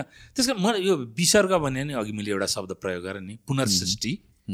यो पुनर्सृष्टि हामी नै अन्तिम र एकै म त यो डार्विनिस्टिक न्युटोनियन र मार्क्सिस्ट इन्टरप्रिटेसनसँग मात्रै चाहिँ सहमत छैन है। नो बिकज कतिवटा कुराहरू इट मेक सेन्स पनि। जस्तो कि डिफ्रेन्ट युगको कुरा आउँछ अनि युग एन्ड हुन्छ भन्ने कुराहरू आउँछ cycle and I actually believe that जुन हाम्रो ह्युमन सिभिलाइजेसन भएछ त्यो लिनियर वेमा भएको छैन कि त्यो साइक्लिकल वेमा भएको छ। नत्र how can you explain pyramids त्यो बेला कसरी बन्यो एन्ड अल दिस स्ट्रक्चर बिस हजार अठार वर्ष हजार वर्ष अगाडिको? अहिले नै पनि हामीहरू त हजार वर्षको पनि कसरी इन्टरप्रिटेसन गर्दैछौँ भन्ने मलाई लाग्छ कि? दक्षिण भारतमा बृहदेश्वर भन्ने मन्दिर छ। यु क्यान गुगल इट त्यो बृहदेश्वर मन्त्री मन्दिरमा अडतिस टन कि उन्चालिस टनको एउटा चाहिँ म त सिङ्गल पिस ग्रेनाइट टपमा लगेर राखेको छ। त्यो धेरै मिटर मैले भन्न सकिनँ। धेरै पाँच सात तल माथि होला। कुन कुन मन्दिर भन्नुभयो Brihadeshwar. Brihadeshwar. Brihadeshwar temple. Yes. This is यो कति पुरानो हो र यो? यो यसै चाहिँ म त के भने हजारदेखि बाह्र सय वर्षको पुरानो भनेर भन्छ। राजराजाले बनाएको भन्छ होइन? थन्जावुरको मह्म, त्यो के होइन? हो यो। यो युनेस्को हेरिटेज साइट पनि रहेछ होइन? त्यो हेर्नु त्यो माथिको ग्रेनाइट त्यसरी कसरी के गरेर राखियो भनेर चाहिँ अहिले तपाईँले नेसनल जोग्राफिक अथवा चाहिँ डिस्कभरी च्यानलहरूले पनि व्यापक रूपमा विभिन्न थेसिसहरू गरेका छन्। केले त्यो माथि उठायो होला त? त्यतिखेर पनि सर्टेन किसिमको इक्विमेन्टेसन थिएन भनेर चाहिँ मान्न सकिन्न के? त हामीलाई त्यो हजार बाह्र सयकै हामीलाई इन्टरप्रिटेसन गर्न गाह्रो परिरहेको छ। हो। यो यो टप यो यो टप हेर्नुहोस्। लगभग तिस टन। अरू त आई कान्ट से एक्ज्याक्टली तर हात्तीले उचाउन नसक्ने हो यो। साठ अस्सी टन लेखिरहेको छ। अस्सी टन होला। त्यो हात्तीले उचाल्न नसक्छ लेफ्टमा त्यसको लेफ्टमा। होइन? यो माथिको text scroll up with a weight of one thirty ग्रेनाइटको piece त्यस कारण हामीहरूलाई जसरी पिछडिएको हामीहरू प्रिमिटिभ सभ्यताको चाहिँ मतलब धरोहरै नभएको ऊ चाहिँ त्यो त के अरे हेरोडस। समकालीनमा पनि हेरोडसले के भन्छ भन्नुहुन्छ भने तिनीहरू चाहिँ काँचो माछाको मासु खाने माछा पनि मासु पनि काँचै खाने नाङ्गै हिँड्ने भनेर दुनियाँदार हामीहरूलाई अपमान गरेको छ हेरोडसले तर त्यतिखेरै अलेक्जेन्डर द ग्रेटको चेला के? अरिस्टोटल? सोक्रेट्स। सोक्रेटिस होइन? सोक्रेटिस। उसले चाहिँ के भन्छ भने त्यहाँ तिमी जाँदाखेरि जटा पालेर खरानी धसेर यसरी चाहिँ मतलब बसेका मानिसहरूलाई नचलाउनु। एलेक्जेन्डर द ग्रेट कहाँ Alexander Graham Bell Alexander the Great है? अनि त्यो नचलाउनु त्यो एकदमै सभ्य त्यो. एकदम दिव्य मानिसहरू त्यहाँ बस्ने हो भनेर त्यसको बिल्कुल अपोजिट कुराहरू छन्।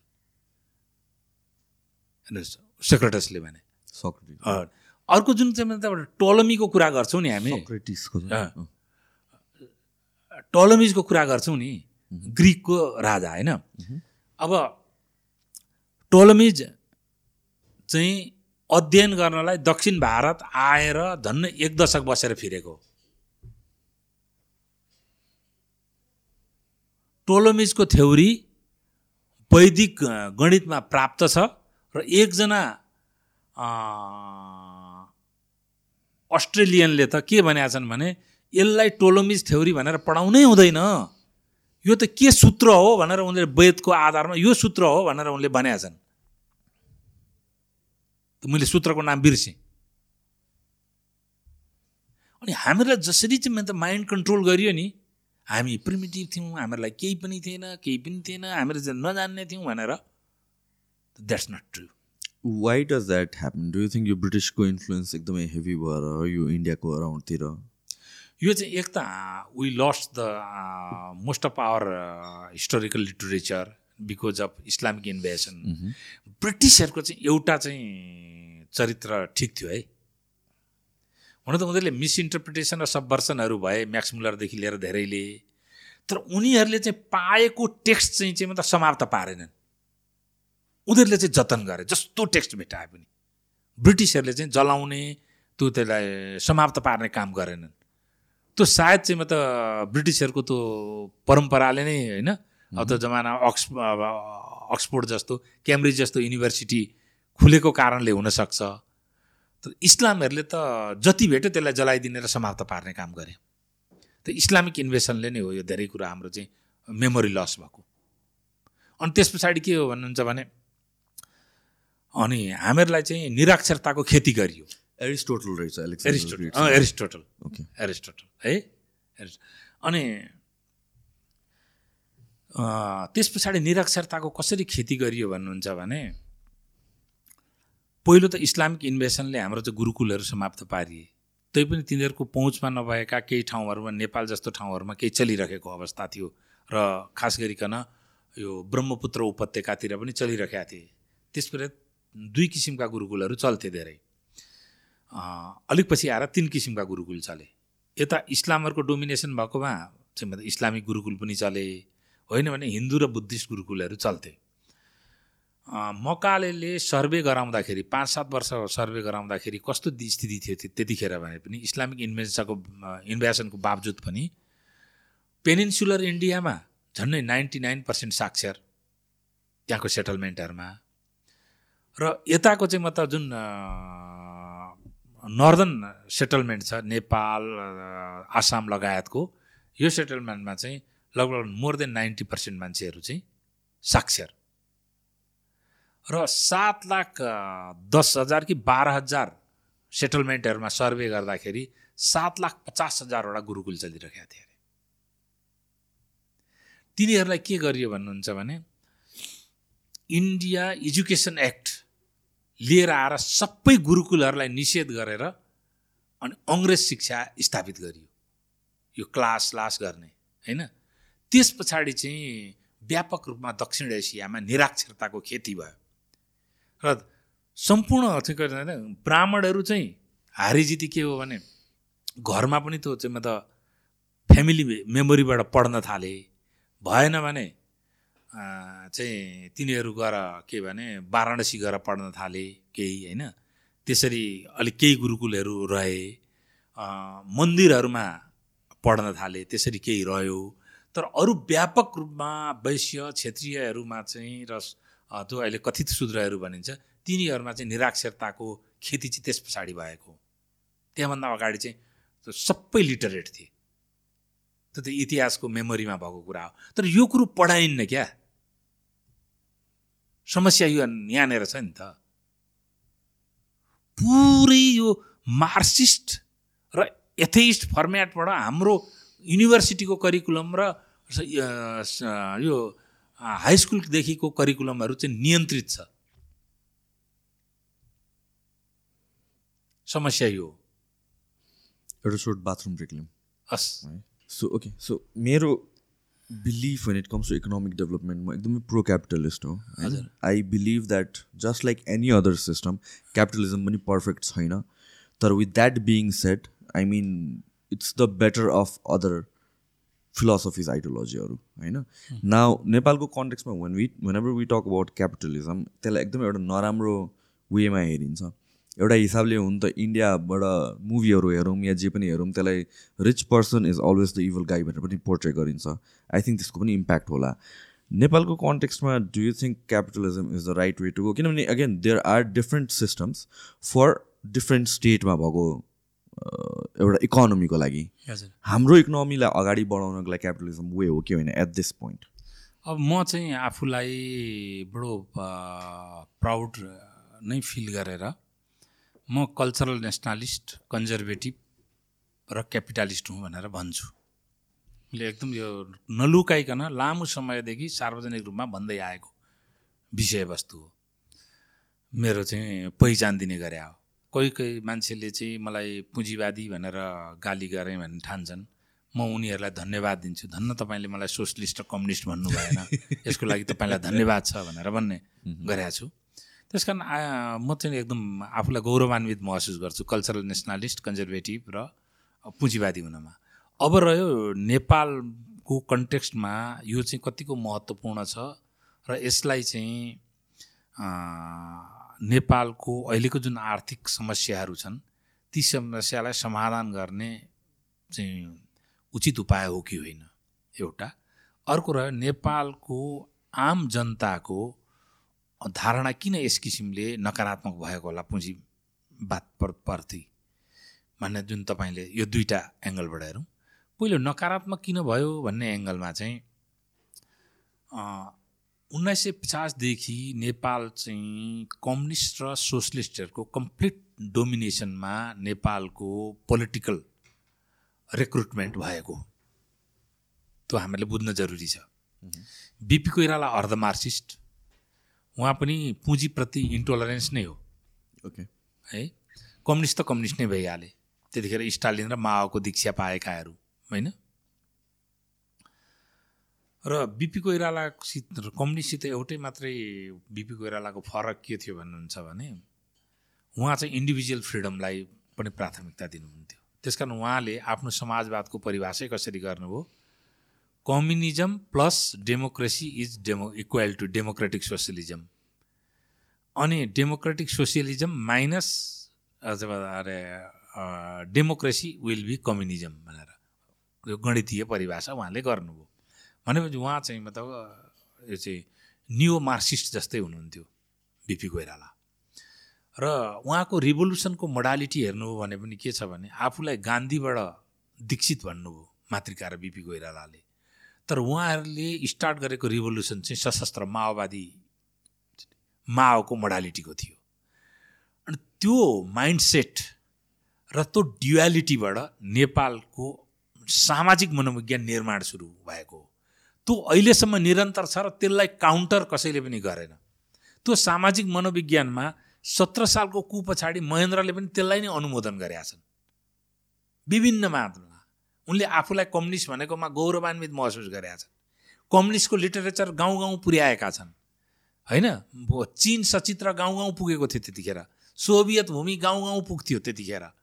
अनि त्यतिखेर चाहिँ मतलब तपाईँ म्युचुअल बुक सेन्टर्समा होस् कि विराटनगरको बाजेको बुक सेन्टर्स त्यहाँ चाहिँ नि मतलब रेड बुकहरू प्रशस्त किन्न र पढ्न पाइन्थे राधुका प्रकाशन प्रगति प्रकाशन बेजिङको के प्रकाशन भन्ने थियो ती सबै किन्न र पढ्न पाइन्थे त्यसरी हाम्रो सामाजिक मनोविज्ञान निर्माण भयो।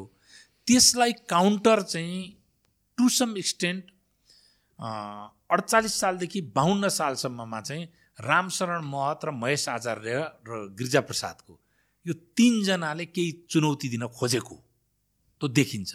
तर त्यस पछाडि अब माओइस्ट इन्सर्जेन्सी भयो पोलिटिकल इन्स्टेबिलिटी सुरु भयो त्यस पछाडि त्यसलाई काउन्टर दिन भन्दा पनि राष्ट्रको चाहिँ मतलब यो व्यवस्थापन शान्ति सुरक्षा व्यवस्थापन यतातिर चाहिँ केन्द्रीकृत भएर गयो।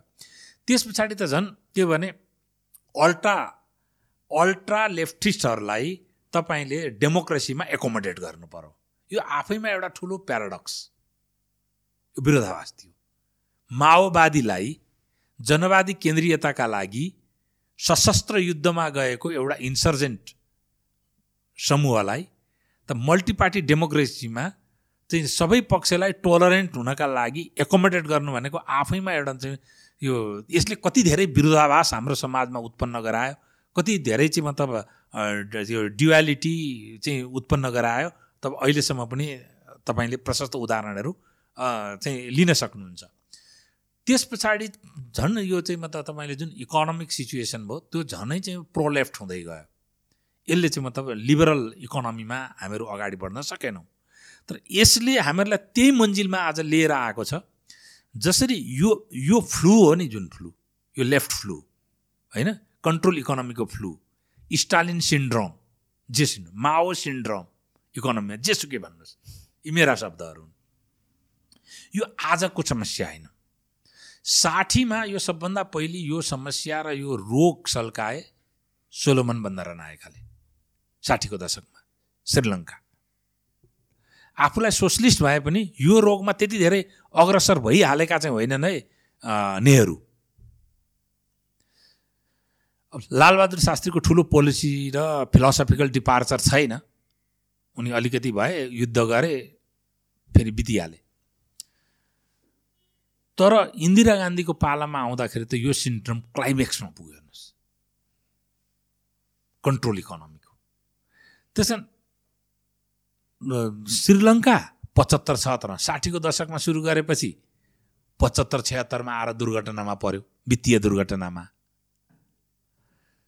भारत छ्यासी सतासीमा आउँदा चन्द्रशेखरजी प्राइम मिनिस्टर हुँदाखेरि वित्तीय दुर्घटनाको क्लाइमेक्समा पुग्यो भारत। अब नेपालमा चाहिँ त्यो त्यतिखेर थियो वित्तीय दुर्घटनाको एउटा क्लाइमेक्स बयालिस त्रिचालिस सालमा जस्तो लाग्छ। अर्थमन्त्री त्यतिखेर सम्भवतः डाक्टर लोहनी हुनुहुन्थ्यो। त्यतिखेर भयो। त्यस पछाडि यो चाहिँ म त अडचालिसदेखि बाहन्न सालको पोलिसी इन्जिनियरिङले हामीहरूलाई दुर्घटना पुग्न दिएन। अहिलेसम्म त्यसैको बदौलत हामीले गरिखाएको तर अब जुन हामीहरूको चाहिँ मतलब नीतिमा कन्फ्युजन आइरहेको छ र सोसलिस्ट एप्रोच र कन्ट्रोल इकोनोमीको धङधङै हामीहरूमा जुन प्रकारले सवार भइरहेको छ यसले कता चाहिँ दुर्घटना नगरोस् भन्ने मलाई लागिरहेको हो। र नेपालको कन्टेक्स्टमा भन्नुहुन्छ भने यसको सल्युसन भनेको मोडरेट क्यापिटलिजमै हो। मोडरेट क्यापिटलिजम मैले किन भने दो क्यापिटल क्यापिटलिजमबाट जुन कर सरकारलाई प्राप्त हुन्छ त्यो करले सीमान्त मानिसहरूको सोसल सेक्युरिटीलाई प्रत्याभूत गर्छ। गर्नुपर्ने हो। गर्नुपर्ने हो गर्नुपर्छ। तर अहिले यहाँ सबभन्दा ठुलो दिविधा कहाँनिर आयो भन्नुहुन्छ भने त्यो हामीहरूले जनतालाई बुझाउन नसकेको यो बुझाउनु पर्ने कर्तव्य नेपालमा दक्षिणपन्थी पार्टी अर्थात् कन्जर्भेटिभ पार्टी र नेपाली कङ्ग्रेसको नेपाली कङ्ग्रेस आफै अब चाहिँ अडचालिस सालदेखि बाहन्न सालको पोलिसी इन्जिनियरिङको ओनरसिप नेपाली कङ्ग्रेसले लिइरहेको छ कि छैन भन्ने कुरा मलाई कन्फ्युजनमा परिसकेको छु म। नाउ नेपाली कङ्ग्रेसलाई चाहिँ क्यापिटलिस्ट भन्ने कि नभने किनभने दे आर सपोज अहिले नेपाली नेपाली कङ्ग्रेस अहिले क्यापिटलिस्ट पार्टी होइन। हुनुपर्ने त त्यही हुनुपर्ने चाहिँ हो। होइन परम्परागत रूपमा होइन क्यापिटलिस्ट सोसलिस्ट नै पार्टी हो है? तर अडचालिस सालदेखि बाहन्न सालमा चाहिँ सोसलिस्ट कुरो त्यहाँ लेखे पनि बाहन्न सालको महाधिवेशनमा त सोसियलिजमै हराएको नि। तपाईँले जुन मध्यावधि चुनाव भयो मध्यावधि चुनावमा चाहिँ सोसियलिजम हराएको थियो नि काङ्ग्रेसमा एकचोटि। त्यतिखेरको डकुमेन्टल मेमोरी तपाईँले हेर्नुभयो भने थाहा हुन्छ। तर अहिले आएर चाहिँ नेपाली कङ्ग्रेस फेरि सोसलिस्टिक एप्रोचमा फिरेको छ। यसलाई नयाँ नेताहरू गगन थापाहरूले चुनौती दिनुपर्ने उहाँहरूले पनि चुनौती दिइराख्नु भएको छैन। अर्को सबैभन्दा ठुलो प्याराडक्समा चाहिँ समाप्त हुन खोजिरहेको शक्ति चाहिँ नेपालमा कन्जर्भेटिभ शक्तिको रूपमा रहेको राप्रपा देख्छु। संसारमा एउटा मात्रै कन्जर्भेटिभ शक्ति हो नेपालमा जसले लिबरल इकोनोमीको विरोध गर्छ प्राइभेटाइजेसनको विरोध गर्छ कम्पनीकरणको विरोध गर्छ। संसारमा चाहिँ मतलब कन्जर्भेटिभ पार्टीहरू कम्पनीकरण लिबरलाइजेसन प्राइभेटाइजेसनको पक्षधर्छन् दुनियाँमा। नेपालमा मात्र एउटा त्यो छ। त्यसैले उनीहरूको साइज पनि त्यसै अनुरूपको छ। कन्फ्युजहरूको जमात प्रतिक्रियावादीहरूको जमातको रूपमा मात्रै रहन पुग्यो। होइन भने हामी जस्ता मान्छे आज उनीहरूलाई समर्थन गरिराखेको पनि हुन सक्थ्यो। यो एउटा स्थिति छ। र यसले किन जरुरी छ भने चाहिँ जनतालाई बुझाउन नसकेको पोलिटिकल पार्टीहरूले चाहिँ किन पोलिटिकल पार्टीले बुझायो भने त तल के भने उनीहरूको त ग्रासरुट लेभलसम्म अर्गनाइजेसनल स्ट्रेन्थ छ। मेरो त स्ट्रेन्थ भनेको तपाईँहरूसम्म मात्रै हो। त उनीहरूले त्यहाँसम्म यसलाई चाहिँ ट्रिकल डाउन गरेर लिएर गयो भने जनताको पर्सेप्सन चाहिँ परिवर्तन हुनसक्छ जस्तो तपाईँलाई एउटा उदाहरण दिउँ। यसपालि अर्थमन्त्रीजी भइराख्दाखेरि उहाँलाई मैले यो सजेस्ट पनि गरेको थिएँ। He couldn't tolerate it as a friendly suggestion it's up to him I don't have any comment at all यो महेन्द्र राजमार्ग पनि तपाईँले कर्जाको बोझ राज्यले नबोक। सेगमेन्ट सेगमेन्ट गरेर प्राइभेट कर्पोरेट सेक्टरलाई देऊ तुरुन्तै सेनाबाट लिएर यो फास्ट ट्र्याक पनि देऊ यसो गर्दाखेरि के भने क्यापिटल एक्सपेन्डिचर निल राख्नुहोस् बरु। पहिलेको प्रतिबद्धता त दिनु पऱ्यो सरकारले अब क्यापिटल एक्सपेन्डिचर गर्दैन औकात पनि छैन राजस्वले तलब खुवाउन पुग्दैन। यो जहिले पनि म सडक बनाउँछु भनेर जनतालाई कहिलेसम्म ढाँट्नुहुन्छ? कहिलेसम्म फरेबमा राख्नुहुन्छ? गर्दिनँ यो प्राइभेट सेक्टरले गर्छ। त्यसबाट तपाईँलाई चाहिँ मतलब उल्टो कर आउँछ। जस्तो महेन्द्र राजमार्ग बन्यो भने त्यसबाट पहिले नै भ्याट र टिडिएस आयो। त्यस पछाडिबाट टोलबाट पनि भ्याट त आयो। टोलबाट पनि भ्याट आउँदाखेरि उल्टो त्यहाँ सरकारले खर्च गर्नुपर्ने ठाउँमा सरकारलाई उल्टो कर आयो। त्यो करले तपाईँ सोसल सेक्युरिटी दिनुहोस् सीमान्त मान्छेको सुरक्षा दिनुहोस्। त्यो सीमान्त मान्छेलाई करबाट आखिरी महेन्द्र राजमार्ग राज्यले बोझ बोकेर बनायो भने त त्यो सीमान्त मान्छेले एउटा साबुन किन्दा पनि तिरेको करबाट तिर्नुपर्छ नि त लोड त त्यो सीमान्त मान्छेलाई पनि परिरहेको छ। त्यहाँ टोल रोड भयो त्यो भने टोल कसले तिर्छ? त्यसको कर सडक दस्तुर कसले तिर्छ? जसले कार चढ्छ त्यसले तिर्छ। त्यो सडक दस्तुर पब्लिक भेहिकलमा तिर्नु पऱ्यो भने त व्यक्ति व्यक्तिमा भाडामा विभाजन गर्दा त नेग्लिजिबल हुन्छ। जो उसको बचेको इन्धनले नै पुरा गर्छ। र गुड्स ट्रान्सपोर्टमा पनि लगभग त्यस्तै हुन्छ।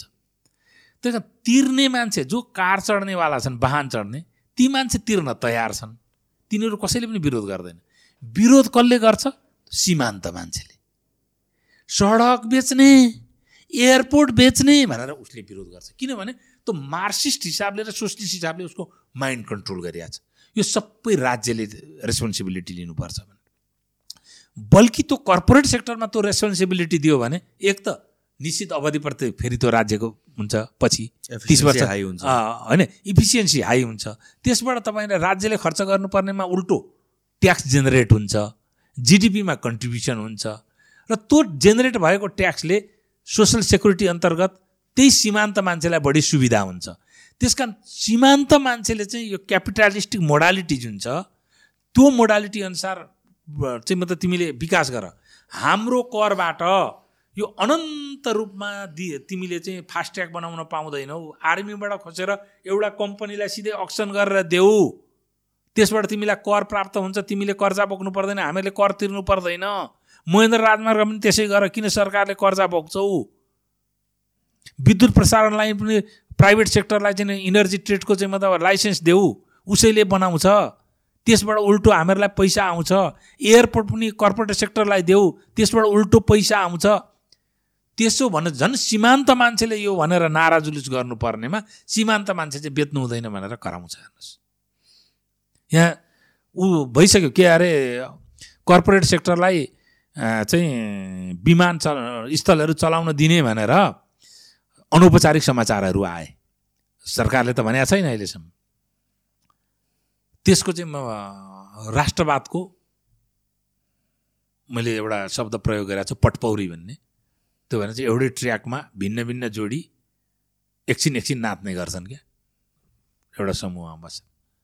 त्यो डान्स सुरु भइसक्यो। त्यो एउटै ट्र्याकमा राष्ट्रवादको ट्र्याकमा भिन्न भिन्न जोडी अहिले नाच्न सुरु गरिसके प्राइभेट सेक्टरले त जिएमआरले चाहिँ दिल्ली एयरपोर्ट ओन गर्दाखेरि भारतको सेक्युरिटी र राष्ट्रवादमा कहाँनिर कुठाराघात भएको छ? उसको सेक्युरिटी त नेपालको भन्दा धेरै सेन्सिटिभ होला नि त इन्टरनल सेक्युरिटी पनि। अनि अदानी ग्रुपले हैबा पोर्ट इजरायलको हैबा पोर्टको व्यवस्थापन लिँदाखेरि इजरायलको राष्ट्रियतामा कुनै खलल पुगेको छ? अहिले श्रीलङ्काले सहित तिनवटा पोर्ट आएर लिदेऊ भनेर चाहिँ मतलब अदानीलाई जिम्मा लाउन खोजिरहेको छ। उसको राष्ट्रियता केही खलल पुग्दैन। कर्पोरेट सेक्टर आएर नेपालमा डेभलपमेन्ट गर्ने इन्भेस्टमेन्ट गर्ने कुरामा हाम्रो चाहिँ राष्ट्रियता खलल हुने। यो विचित्र राष्ट्रिय यो किन यस्तो भनिन्छ भने दुईवटा वर्गलाई नेपालमा गरिबी अपरिहार्य छ। एउटा मार्क्सिस्टलाई गरिबी चाहियो। गरिब भएन भने मार्क्सिस्टको राजनीति खेती चल्दै चल्दैन। आफू धनी भए पनि मतदाता चाहिँ गरिब चाहियो। मार्क्सिस्टहरूका लागि। आइएम सरी नेपालमा यत्रो मार्क्सिस्ट छन् अन्यथा चाहिँ मतलब होस्टाइल नहुनु होला मसँग। तर द्याट इज बिङ एभिडेन्ट अहिले। यो हेर्नुहोस्। दोस्रो जो कन्भर्सनमा खेती गरिरहेका छन् कन्भर्सनको खेती। सांस्कृतिक अतिक्रमणकारी। त्यो गरिब गुरुबालाई नै सांस्कृतिक अतिक्रमण गर्ने हो।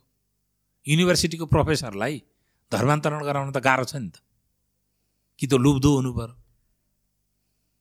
अनि चाहिँ यहाँको कर्पोरेट हाउस विनोद चौधरीका छोराहरूलाई धर्मान्तरण गराउन त गाह्रै होला नि त। तर विनोद चौधरी जस्तै अर्को एकदम गरिब प्रमोद चौधरी भयो जो निराक्षर पनि छ भने त्यस कहाँ त धर्मान्तरण गराउन आमेनको खेती गर्न सजिलो हुन्छ नि। त्यस कारण यो दुईटा वर्गबाट जहिले बारम्बार नेपालको द्रुततर आर्थिक विकासहरू खण्डित भएको छ त्यसलाई यी दुइटै पक्षका विरोधी सांस्कृतिक राष्ट्रवादी पुँजीवादी अथवा मोडरेट क्यापिटालिस्ट नेपाली कङ्ग्रेस।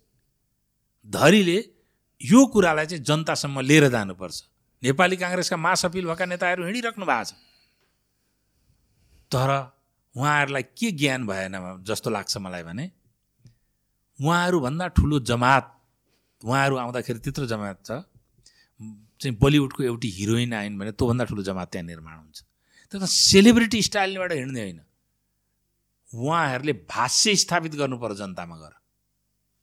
उहाँहरूले मेची महाकालीको जुन अहिले चाहिँ मतलब यात्रा गर्नुभयो त्यो यात्रामा स्थापित गरेको भाष्य के हो? नेपाल अहिले आर्थिक नीतिमा स्ट्रिमलाइन भएर हिँड्न सकेका छैन। हामीहरू स्ट्रिमलाइन गरेर नेपालको अर्थतन्त्रलाई नेतृत्व गर्नका लागि यो आर्थिक नीतिमा लिएर जान्छौँ भनेर एउटा भाष्य स्थापित गर्नु पर्यो। फरेन पोलिसीमा कन्फ्युजनै कन्फ्युजन छ। धेरै संवैधानिक मुद्दाहरू चाहिँ अब पुनर्विचार गर्नुपर्छ भनेर यत्रो आम रूपमा उठिरहेका छन्। ती सबैको बारेमा नेपाली कङ्ग्रेस जस्तो जिम्मेदार पार्टीले भाष्य स्थापित गर्नु पर्दैन। होइन भने कि नेपाली कङ्ग्रेस पनि अब एन्टी इन्कम्बेन्सीको आधारमा गाली गलौज गरेर र निश्चित नेताहरूलाई को खलनायकीकरण गरेर मात्रै आफ्नो राजनीतिक अजुत स्थापित गरेका चाहिँ मतलब शक्तिहरूको रूपमा त नेपाली कङ्ग्रेस त होइन नि। उसले त त्यो जिम्मेदारीपूर्वक त्यो भाष्यहरू स्थापित गर्नु पर्थ्यो तर जब त्यो भाष्य स्थापित गर्न सकिरहेका छैन र सैद्धान्तिक रूपले भाष्यको हिसाबले रणनैतिक रूपले र जल्दा बल्दा मुद्दाहरूको रूपमा पनि नेपाली कङ्ग्रेस जस्तो ठुलो राजनैतिक शक्ति आफू चाहिँ मतलब भाष्य स्थापित गरेर जनतालाई आकर्षित गर्न नसक्ने। कम्युनिस्ट कम्युनिस्टहरू नै भइहाले एक त उनीहरू फ्रेगमेन्टेड छन्। नयाँ शक्तिहरूको भाष्य नै नहुने। त्यो स्थिति भयो भने नेपाल एउटा शीघ्र पपुलिजममा आधारित अराजकताको अध्यायमा प्रवेश गर्दैछ। त्यो पपुलिजममा आधारित अराजकताको अध्यायले हामी अब जेलेन्सीको बाटोमा पुग्छौँ अथवा इमरान खानको बाटोमा हिँड्छौँ मलाई थाहा छैन। जे होस् देश चाहिँ जुन मार्गमा हिँडे पनि एउटा दुर्घटनामा पर्छ। सो यो जुन पपुलिजमकै जुन अहिले ट्रेन्ड चलिरहेको छ एभ्री पोलिटिकल पार्टी या भन्छ इभन नर्मल सिभिलियनहरू पनि वर एभर द पपुलिस्ट नेगेटिभले जे भन्छ त्यहीँ जान्छ। अहिले एउटा यो डेकेडमा एउटा कुरा भनेर आउँछ डिरेक्सनमा लगिरहेको हुन्छ नेक्स्ट डेकेडमा अर्को डिरेक्सन जाने डिरेक्सन फेरिदिन्छ डिकेडै होइन। No I mean with time पनि। दिनमै दिनमै। तराईमा गएर धानको भाउ बढ्नुपर्छ भने हुन्छ काठमाडौँमा आएर चामलको भाउ घट्नु पर्यो भने हुन्छ। सो यो जुन देखिँदैन जुन यो ठ्याक्क opposite doesn't make sense contradictory छ नि त। सो यो पोलिटिक्समा पनि देखिनुको कारण नै त्यही हो किनभने when we talk about Congress कङ्ग्रेसको कुरा गर्दाखेरि त हाम हाम्रो इमेज आउने भनेको त प्योर क्यापिटलिजम हो नि त।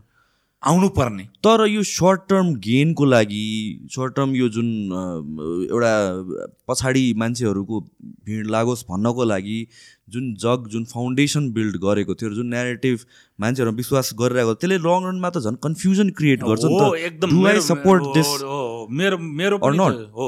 मेरो पनि एउटा एउटा अर्को पनि म थपिहाल्छु कि फर इक्जाम्पल अघि फरेन पोलिसीको पनि कुरा गर्नुभयो। हाम्रो फरेन पोलिसी पनि एउटा स्ट्रिक्ट त छैन नि त। कहिले यहाँ फर्केछ कहिले उहाँ फर्केछ अनि डिस्ट्रस्ट आउँछ नि त अमङ आवर नेबर्सकै कुरा गर्ने हो भने पनि? ग्लोबल अरिनामा कुरा गर्ने हो भने पनि? सो यो थिङ्स लाइक चाहे नेसनको फरेन पोलिसीको कुरा गरौँ या कुनै पार्टीको एउटा आइडियोलोजीको कुरा गरौँ यो त सर्ट टर्ममा मुभ गर्न थाल्यो भने त लङ रनमा घाटा हुन्छ त उनीहरूलाई नै हो तर उनीहरूले देख्दैनन् यो लङ रनमा कसरी प्ले आउट हुन्छ यसलाई दुई एङ्गलबाट गरौँ। एउटा चाहिँ के भने पपुलिजमले चाहिँ संसारमा सबैलाई घाटै पुर्याएको छ अहिलेसम्म। तर केहीले चाहिँ पपुलिजमको न्यारेटिभबाट आए पनि राष्ट्रमा पुग नीति निर्माण तहमा पुगेपछि चाहिँ त्यसको बहकाउमा निर्णय गरेका छैनन्। पपुलिजमको बहकाउमा। तिनीहरूले राष्ट्र सम्हालेका पनि छन्। अहिले दुई ठाउँ मात्रै चाहिँ मतलब मलाई अद्भुत लागिरहेको छ। एउटा अमेरिका र भारतमा चाहिँ कन्जर्भेटिभहरूले नै पपुलिजमको मुद्दाहरू हाइज्याक गरिदिए। अदरवाइज यो चाहिँ लिबरल र लेफ्ट लिबरलहरूको चाहिँ मतलब पकडमा हुन्थ्यो जहिले पनि पपुलिजम। उनीहरूको पेवा जस्तै हुन्थ्यो पपुलिजम। तर यो दुईवटा ट्रम्प र मोदीको केसमा चाहिँ अलग स्थिति देखियो। अदरवाइज जहिले पनि पपुलिजम भने त लेफ्ट र लेफ्ट लिबरलहरूले नै लिने मुद्दा हो। त्यसमा यसले तपाईँले भने जस्तै उ गर्छ अब फरेन पोलिसीको कुरा तपाईँले अघि उठाउनु भयो म एउटा क्यापिटलिजमको कुरामा भनेर मात्रै फरेन पोलिसीमा आउँछु।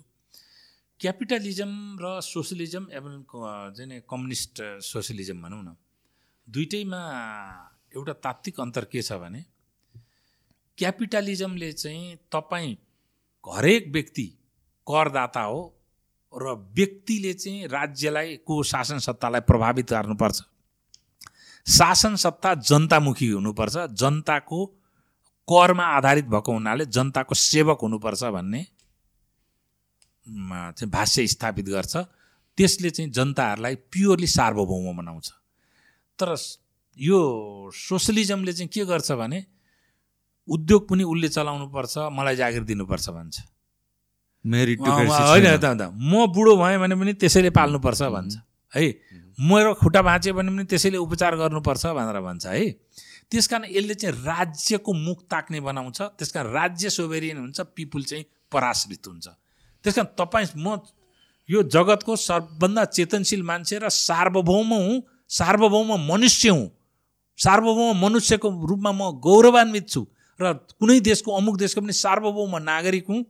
I am here to dictate my government भन्ने तपाईँलाई लाग्छ भने you have to be the capitalist होइन म चाहिँ सरकारको आश गर्नुपर्छ सरकारले मलाई खुवाउनुपर्छ म सरकारमा आश्रित प्राणी हुँ सरकार सरकारै तोमेब माता च पिता तोमेब हो भन्ने तपाईँलाई लाग्छ तपाईँ पराश्रित हुनुहुन्छ ख्वामित हजुरको म त दास पो हुँ भन्ने सिद्धान्तमा तपाईँ आश्रित हुनुहुन्छ भने बी सोसलिस्ट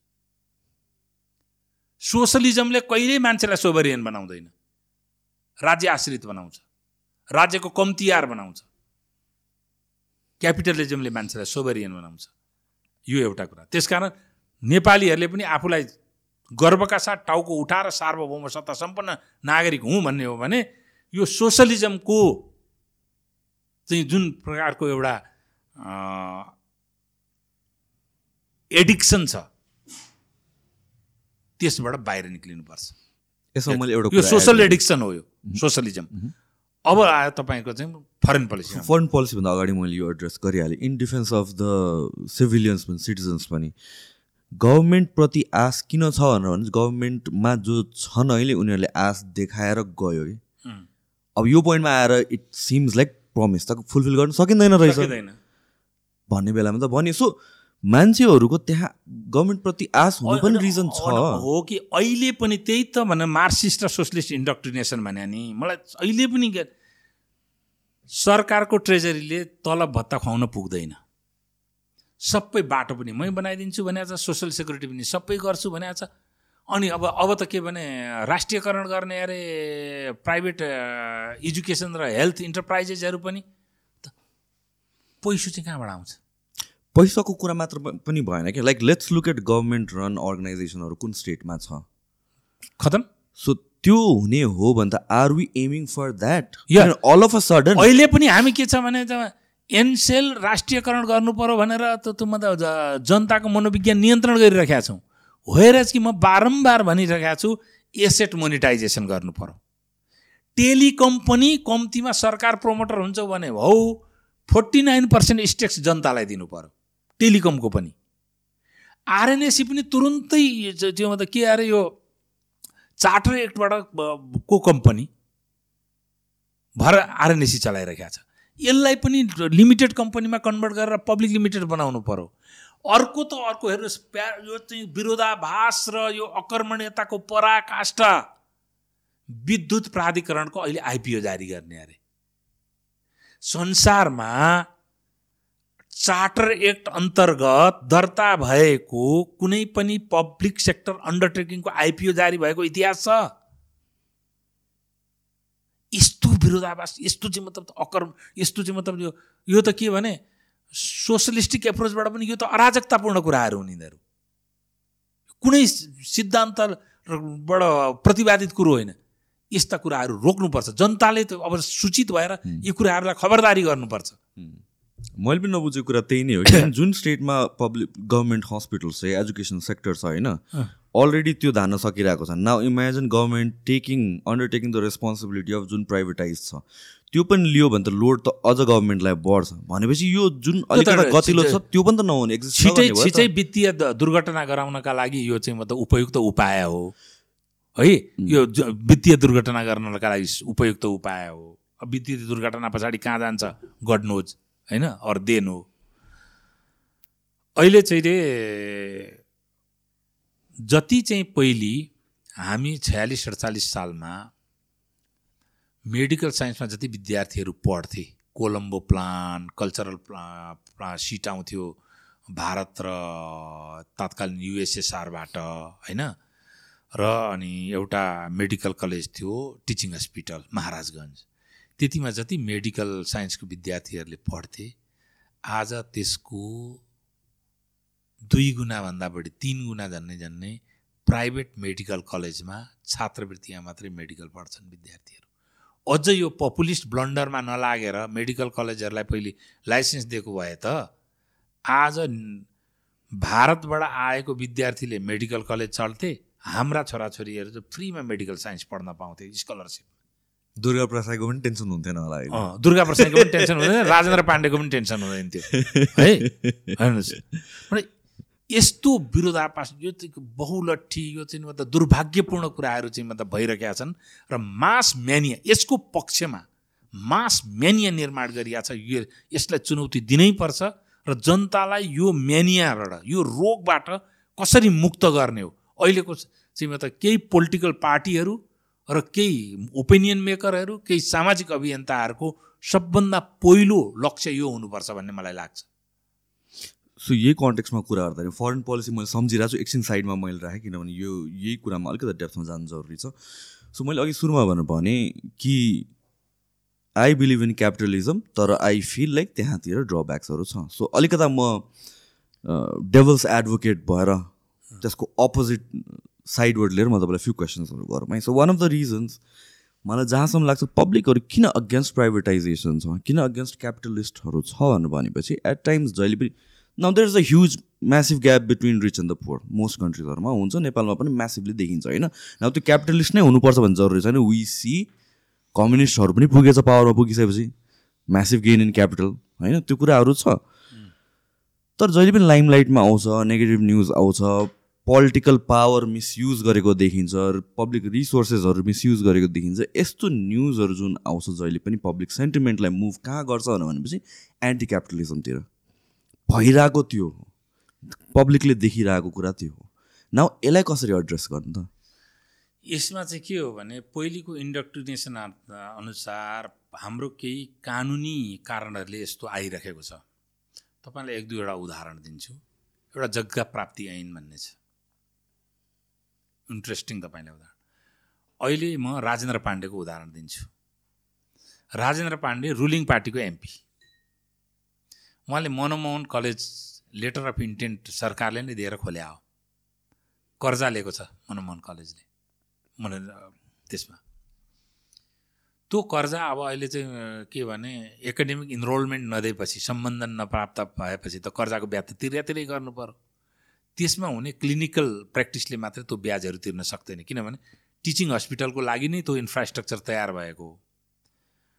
त्यसको नाममा कलेजको नाममा त्यतिखेरको मापदण्ड अनुसार जग्गा पनि किनिया छ अब अहिले के आयो समस्या भन्नुहुन्छ भने त्यो जग्गा बेचेर तिर्छु भन्न पाउँदैन कलेजले। किन कलेजको नाममा जग्गा भएको हुनाले कलेजकै नाममा भइरहनुपर्छ त्यसलाई बेचेर चाहिँ अन्यथा प्रयोग गर्न पाइँदैन। फेरि ब्याङ्कले लिलाम गर्न चाहिँ पाउँछ हेर्नुहोस्। त्यही किसिमले एक दुईवटा उदाहरणहरू कस्तो भयो हुन पुग्यो भने धेरै त छाला जुत्ताको कुरा गर्छन्। छाला जुत्ता त त्यो वर्स कुरा हो त्यो एकदमै चाहिँ मतलब सबभन्दा पतिङ्गर मनोविज्ञान भएको मान्छेले कुरा गर्ने हो त चाहिँ। जसले त्यसको कुरा गर्छ त्यो मान्छेको सोच पतिङ्गर छ भनेर लेबल लगाइदियो हुन्छ। के कारणले के छ एक त छाला जुत्ताको त्यत्रो ठुलो कुरै थिएन त्यहाँ। सबै सियोधरि चाइनाबाट आउँथ्यो। र जुत्ताको कारखाना यत्रो धेरै भएर नेपालले जुत्ता एक्सपोर्ट गरिरहेको छ। सरकारले त्यहाँ इङ्गेज हुनुपर्ने कुनै कारण थिएन। र त्यसको जग्गा पनि हामीले त नोबल कजमै हामीले प्रयोग गरिरहेका छ अहिले। अब सबभन्दा ठुलो इस्यु भने चाहिँ के हो भन्नुहुन्छ भने इटा टायल कारखानाको कुरो र हरिसिद्धिको कुरा र चाहिँ भिरकुटी पेपर मिलको कुरा आयो। अब भिरकुटी पेपर मिल र हरिसिद्धि के भने लिनेलाई पनि तनाव दिनेलाई पनि तनाव भयो। अब पेपर मिल बन्द भयो किन मलाई र मेटेरियल र अहिले त लोकेसनको पनि प्रब्लम छ भिरकुटी पेपर मिलमा त्यस्तो पोलुटेन्ट इन्डस्ट्री त्यस्तो चाहिँ म त कोर ठाउँमा लगेर चाहिँ पहिले नै त्यहाँ सिटी डेभलप हुन्छ यहाँ बनाउनु हुँदैन थियो कुनै सलिच्युडमा बनाउनु पर्थ्यो एकान्तमा। त्यो नि पहिले नै गलत ठाउँमा लोकेट गरियो। अनि त्यो अब जग्गाहरू अन्यथा पनि प्रयोजन हुन्छ भनेर उसले पनि स्वीकार गरिहाल्यो त्यतिखेर। अब अहिले कर्जा छ हेर्नुहोस् त्यो जग्गा पेपर मिल बाहेक अरू केहीमा प्रयोग गर्न पाउँदैन पेपर मिल चल्दैन। अब उद्योगपतिलाई पनि घाँडो। अब प्राइभेटाइज गरेको पेपर मिल चलेन भनेर सरकारलाई पनि घाँडो। त्यस कारण कानुनी रूपले त्यसले तर एउटा मनोविज्ञान त निर्माण गर्यो नि। त्यो मनोविज्ञान निर्माण गर्नका लागि कानुनी रूपले यसलाई वे आउट दिनुपर्छ यस्ता कुराहरूलाई। निश्चित रूपमा त्यो प्लटिङ गरेर बेच्न हुँदैन थियो। त्यसरी त्यो उद्योग गरे होइन। तर इन्भाइरोमेन्टली फ्रेन्डली इन्डस्ट्रीहरू त्यो ठाउँमा लिएर इम्प्लोइमेन्ट जेनेरेट गर्न सकिन्छ भने त त्यो लिभरेज त दिनु पऱ्यो नि त उद्योगपतिलाई। अहिले त के भने हाइड्रोमा जग्गा हाइड्रो कम्पनीको नाममा पास गरेका छ भने अर्को इन्फ्रास्ट्रक्चर सडकको लागि त प्रयोग गर्न नसकिने भयो टोल रोडको लागि। अनि त्यो चाहिँ मतलब पेपर मिलमा पास भएको छ भने त्यहाँ चाहिँ अर्को स्टिल फ्याक्ट्री आउन नसक्ने भयो। त्यसै यसले एउटा माइन्डसेट निर्माण गरेका छ। त्यसले यति धेरै कानुनी विरोधाभासहरू छन् यिनीहरूलाई परिवर्तन गर्नुपर्छ। यो यो मनोविज्ञान निर्माण हुन चाहिँ यो कानुनी विरोधाभासले पनि धेरै ठुलो भूमिका खेलेको छ। यो कारण चाहिँ त्यो हो। अर्को कुरो त के भने उन्नाइस सय पचासदेखि नेपालमा मार्क्सिस्टहरूले चारवटा शत्रु करार गरेर जनताहरूको मनोविज्ञान निर्माण गरेका छन्। र आफ्नो राजनैतिक अजुत स्थापित गरेका छन्। त्यसलाई काउन्टर न राजाले गरे न चाहिँ मतलब नेपालको डेमोक्रेटिक फोर्सेसहरूले गरे न त कन्जर्भेटिभ फोर्सले नै गरे हेर्नुहोस्। त्यो चारवटा शत्रु के भने शत्रु नम्बर एक धर्म तथा संस्कृति जसको बारेमा हामीले अघि धेरै लामो सस् गऱ्यौँ। किन चाहिँ नेपाल यसरी बहकिँदैछ भनेर होइन? दोस्रो शत्रु के भने पुँजी पुँजी परिचालन गर्ने वर्ग। जो मान्छे उद्योगपति र पुँजी परिचालन गर्ने वर्ग छ त्यो चाहिँ वर्ग शत्रु हो। त्यसको इलिमिनेसन गरेर मात्रै सर्वहाराको उद्धार हुन्छ। तिनीहरूलाई शत्रु करार गरियो। तेस्रो शत्रु भनेको one of the leading democratic country of the old USA अर्को चौथो शत्रु भनेको another the biggest largest democracy Bharat. यो चारवटा शत्रुमा जनताहरूलाई यसरी चाहिँ मतलब ब्रेन वास गरियो नि त्यो ब्रेन वासलाई कसैले काउन्टर गरेन। अनि त्यो ब्रेन वास गरिसकेपछि यो इन्डक्ट्रिनेसनबाट निर्माण हुने शक्तिको मार्क्सिस्ट। मार्क्सिजम आफैमा एउटा डिकन्स्ट्रक्टिभ चाहिँ मतलब संसारकै डिकन्स्ट्रक्टिभ आइडिया हो आइडियोलोजी हो। त्यस कारण हामीहरू बारम्बार तपाईँले के भने व्यक्तिको चरित्रले मात्रै हाम्रो दुर्घटना निर्माण भइरहेका छैन। एक त भने स्पिरिचुअलिटी जब सोसाइटी र पोलिटिक्स डिस्पिरिचुलाइजेसन हुन्छ त्यसले चरित्र निर्माणमा ठुलो भूमिका खेल्छ हेर्नुहोस्। उपयुक्त चरित्र निर्माण हुँदैन। बढी मान्छे मेटेरियलिस्टिक हुन्छ स्पिरिचुअल नभएर मेटेरियलिस्टिक भन्छ परिग्रहवादी हुन्छ त्यसले एउटा भूमिका खेल्छ हेर्नुहोस्। अर्को कुरो जहाँबाट चाहिँ मतलब ग्रोथको इन्जिन आउने हो जसले तपाईँलाई चाहिँ मतलब जसबाट तपाईँको प्रगति सम्भव छ त्यसप्रति तपाईँले दुश्मनी आर्जन गरिरहेका छ। त यसबाट चाहिँ अब त मलाई सामाजिक अभियन्ताहरूलाई पनि मेरो त नम्र निवेदन छ। गेट रिट अफ मार्क्सिजमको मुभमेन्ट तपाईँ स्टार्ट गर्नुहोस्। गेट रिट अफ डिस्पिरिचुअलाइजेसन यी दुईवटा कुरा त एकदम समाजमा लिएर अब अभियन्ताहरूले पनि जान जरुरी छ। होइन कि यसको अपोजिट कुराहरू चाहिँ नेरेटिभ्सहरू लिएर आएर अभियन्ताहरू पनि गइरहेका छन्। समस्या यो हो। So क्यापिटलिजमको one of the most beautiful thing मलाई लाग्ने भनेको मेरिटोक्रेसी हो। होइन? जसले गर्छ? प्रोडक्ट प्रोडक्ट प्रोडक्टिभनेस यस किनभने एउटा एउटा जसले बेसी गर्छ उसलाई मोर रिवार्ड पाउनुपर्छ त्यही त हो नि मेन। सिद्धान्त चाहिँ र त्यो हुनु पनि पर्छ किनभने चाहिँ इफ एउटा रेसमा सबैले गोल्ड मेडल पाउने हो भने त सबैजना दौडिन खोज्दैन नि त एकभन्दा अरू बेटर गर्न सक्दैन र ह्युमन सिभिलाइजेसन अगाडि। काम नगरे पनि सरकारले पाल्छ भनेपछि यो त एकदमै कम्युनिस्ट र सोसलिस्ट भनेर त अल्छी सिद्धान्त हो क्या। सो सो ह्युमन सिभिलाइजेसन पनि अगाडि मुभ गर्नलाई सम सोर्ट अफ केही त दिनु पऱ्यो रिवार्ड त्यो इक्वल सबैलाई हुनु भएन। प्रोडक्सन जस्तो पपुलेसन त बढ्छ। होइन? पपुलेसन बढ्दाखेरि तपाईँको मोड छ नि वेल्थका होइन मिन्सहरू पनि त बढ्न पऱ्यो नि त। होइन? हो। त्यहाँ वेल्थका मिन्स चाहिँ तपाईँ डिस्ट्रिब्युट मात्रै गर्ने नबढाउने एग्रेसिभली भने त त पपुलेसनको ग्रोथलाई तपाईँ एड्रेस गर्न सक्नुहुन्न उनीहरूको निडलाई एड्रेस गर्न सक्नुहुन्न। त्यो एग्रेसिभ ग्रोथ भनेको चाहिँ क्यापिटलिजममै हुन्छ। हो। त्यो कम्पिटिसनले नै गरेर हाम्रो सिभिलाइजेसन अगाडि अहिले चाइना। पनि के भने कर्पोरेट क्यापिटलिजममा प्रवेश. गरेर नै भएको हो। हन्ड्रेड पर्सेन्ट हो। भारतको चाहिँ के किन भारत साढे तिन दशक पछाडि पऱ्यो त चाइनाभन्दा? होइन चाइना चाहिँ छ्यात्तरमा जतिखेर जापान र अमेरिकाको पोलिसी तर्फ अगाडि बढिरहेका थियो। देङ स्यापिङले त्यसको पोलिसी अन्तर्गत आफ्नो पोलिसी रिफर्म गरिरहेका थिए। इन्दिरा गान्धी चाहिँ तात्कालीन सोभियत सङ्घको पोलिसीबाट आफ्नो पोलिसी रिफर्म गरेर राष्ट्रियकरणतिर गइरहेकी थिइन्। उता कम्युनिस्ट कन्ट्रिज फ्री मार्केट ऊ त चाहिँ मतलब नेसनल प्राइभेटाइजेसन र फ्री मार्केटमा गइरहेका थियो। यता डेमोक्रेटिक कन्ट्री नेसनलाइजेसन र कन्ट्रोल इकोनोमीमा गइरहेका थियो। अल्टिमेटली त्यसलाई दुर्घटना पारेर जब दुई हजार चौधमा कम्प्लिट सोसलिस्ट र कम्युनिस्टको पोलिसी इन्जिनियरिङ माथिको दबावबाट भारत मुक्त भयो त्यस पछाडि नै भारतमा पनि अहिलेको ट्रान्सफर्मेसन देख्न पाइयो। सो म coming back to the question म क्वेसन कम्प्लिट गर्छु है त. सो। आई मेरिटोक्रेसीको कुरा आयो हामीलाई। राइट सो मेरिटोक्रेसी भनेको त्यसले कम्पिटिसन गर्छ त्यसले इभल्भ गराउँछ सिभिलाइजेसन अगाडि मुभ गर्न मा हेल्प गर्छ.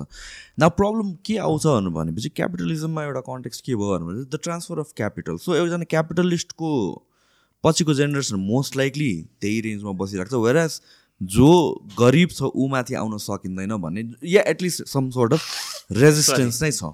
सम सोर्ट अफ रेजिस्टेन्स नै छ। यसलाई चाहिँ कसरी एड्रेस गर्न सकिन्छ? किनभने free market seems like it is not free if तपाईँको पुर्खाहरूले गर्नुभएछ राइट टाइममा बुद्धि लाउनुभएछ राइट टाइममा मेहनत गर्नुभएछ भने तपाईँलाई त्यो एडभान्टेज पाउने भयो। सो त्यो एडभान्टेज फेयर एडभान्टेज यस- यसमा पनि के भने क्यापिटलिजममा तपाईँ हामीहरूले चाहिँ क्यापिटलिजमलाई कुन फ्रेमबाट सोध्छौँ भनेको प्रोपर्टी भनेको ल्यान्ड बिल्डिङ अथवा चाहिँ त्यस्तै अर्का इन्टेन्जिबल एसेट्सहरू होइन। टेन्जिबल। एसेट्स अनि यता चाहिँ तपाईँ कम्पनीको सेयर यस्तो चिजहरूलाई चाहिँ हामीहरूको एसेट हाम्रो सोसाइटीले अहिले पनि एसेटको रूपमा ग्रहण गरिराखेको छैन। जब तपाईँले मोडर्न मोड अफ चाहिँ मतलब एसेट्समा यसलाई लिएर आइसकेपछि त्यो त्यो धारणा चाहिँ बिस्तारै इलिमिनेट भएर जान्छ जस्तो लाग्छ। तर अर्को सँगसँगै के छ भने धेरै क्यापिटलिस्ट कन्ट्रीमा चाहिँ यस्तो एसेट्सहरू चाहिँ छोराछोरीमा ट्रान्सफर भएर जाँदैन। ह्युज ट्याक्स ए त्यसमा गयो भने पनि डेट ट्याक्सको रूपमा चाहिँ मात्रै ह्युज ट्याक्स लाग्छ। त्यस कारण हरेक मान्छेले आफैले कमाउनुपर्छ है। क्यापिटलिजम फर वान जेनेरेसन हुन्छ क्या? जसलाई क्यापिटलिस्ट कन्ट्री भन्छौँ नि त्यहाँ चाहिँ। यहाँ जस्तो चाहिँ मतलब त प्रोपर्टी राइट लाग्दैन। तर हाम्रो चाहिँ अहिले पनि प्रोपर्टीको बेस ल्यान्ड अनि त्यहाँ चाहिँ मतलब तपाईँको चाहिँ मतलब राइट इस्टाब्लिस हुने। के भने वंश वंशसम्मको राइट इस्टाब्लिस हुने। त्यसले गर्दाखेरि प्र परिग्रहवाद पनि भत्तै बढेर गयो। हेर्नुहोस् हाम्रो कहाँ होइन? अनि भन्न चाहिँ सोसलिस्ट भन्ने माइन्ड सेट सोसलिस्ट अनि प्रोडक्सन नहुने परिग्रह गर्ने। सो यु त्यो प्रोडक्सन नहुने र परिग्रह गर्नु भने चाहिँ के हो भन्नुहुन्छ भने आफै यही हो करप्सन प्रोडक्सन भयो भने चाहिँ त्यसको प्रफिटहरूले तपाईँमा त डिसिपेट भएर हरेक मान्छे यहाँ पुग्छ। तर प्रो त- त्यसको प्रोडक्सनबाट अथवा त्यसबाट निर्माण भएको वेल्थ डिसिपेट भएर अरू ठाउँमा पुगेन भने भइराखेको एसेट्सबाट हो भइराखेको सम्पत्तिबाट चाहिँ तपाईँले परिग्रह गर्नु पर्यो। हरेक मान्छेलाई पैसा चाहियो। त्यो परिग्रह गर्नु भने चाहिँ त्यो भनेको चाहिँ त्यहीँबाट करप्सन स्टार्ट हुन्छ। तपाईँ क्यापिटलिजममा जानु भएन करप्सन हो त जानुभयो करप्सन कम हुन्छ। किनभने प्रो त्यो प्रफिटहरू डिसिपेट हुँदै जान्छ ह्युज प्रोडक्सनले तपाईँ क्यापिटलिजमबाट यही सोसियलिजममा अहिलेकै कन्सेप्टमा अररो भएर बस्नुभयो भने करप्सन झन् बढेर जान्छ। तपाईँ यति मात्रै फेर्न सक्नुहुन्छ। You can make new corrupt you can replace old corrupt by new corrupt त्यति मात्रै फरक हुन्छ। सो डेथ ट्याक्स जुन छ त्यसमा तपाईँ त्यसको पक्षमा हुनुहुन्छ तपाईँ? म त वास्तवमा प्रोपर्टी ट्याक्सको त पक्षमा छु। एकदमै। डेथ ट्याक्सै भन्नुपर्छ कि पर्दैन मलाई थाहा छैन। है? विशेष परिस्थितिका व्यक्तिहरू अब कुनै विकलाङ्गता र कार विकलाङ्गता भएर काम गर्न असक्षमहरूको एउटा निश्चित राइट र कस्टोडियन सरकार हुनुपर्छ। त्यो हकमा चाहिँ हरेक व्यक्ति सार्वभौम भने उसकै जीवनकालमा उसले चाहिँ आफ्नो वेल्थ आफैले निर्माण गर्नुपर्छ। सो अब संसार हेर्ने हो भने लाइफ हेर्ने हो भने एभ्रिथिङ फेयर त हुँदैन हेर्नु संसारमा होइन? रिलेटिभ कुरा। डार्विनियन थ्योरीकै कुरामा भने सर्भाइभल अफ द फिटेस्ट भन्नु भन्छ अनि त्यसपछि देयर सो मेनी थिङ्सहरू तर सोसल डार्विनिजम चाहिँ हुँदैन त्यतिखेर। ट्रु सोसियल डार्विनिजम हुँदैन। उनीहरूलाई चाहिँ के भने डार्विनले पनि मेन काइन्डलाई त एक्सेप्सनमै राखेको छ नि त। हो। लुते ल्याङ्ग्रे भए पनि मान्छेको त सन्तान हुन्छ नि। ट्रु तर आई मिन मैले भन्न खोजेको सर्टन डिसएडभान्टेज चाहिँ हुन्छ। सो जसको जेनेरेसनल पुवर हुँदै आएको छ। उसले चाहिँ कसरी क्यापिटलिजमबाट चाहिँ होइन तपाईँलाई बेनिफिट गर्न सक्छ? एकदम एकदम। पहिलो कुरा त तपाईँसित म एउटा एउटा म एड गरिहालौँ यसमा सानो एउटा कुरा एड गरिहालौँ। किनभने जबसम्म लाइक म म आफूलाई क्यापिटलिस्ट भन्छु तपाईँ पनि क्यापिटलिस्ट भन्नुहुन्छ होइन? जबसम्म हामीले we don't address the marginal community तबसम्म क्यापिटलिजमले कहिले पनि जित्न सक्दैन किनभने त्यसैको आडमा सोसियलिजम चलिरहेछ नि त खासमा त। अघि मैले त्यो पनि भनिसकेँ। जब क्यापिटलिजमले चाहिँ एग्रेसिभली प्रोडक्टिभिटी बढाउँछ त्यसबाट राज्यलाई ट्याक्स जेनेरेट हुन्छ। त्यो ट्याक्सले मार्जिनल कम्युनिटीलाई झन् धेरै एड्रेस गर्छ। जब कर्पोरेट इन्टिटीहरू डेभलप हुन्छन् त्यसमा उनीहरूलाई रोजगारीको अवसर गर्छ भने त्यो मार्जिनल कम्युनिटीबाट माथि आउँछ हेर्नुहोस्।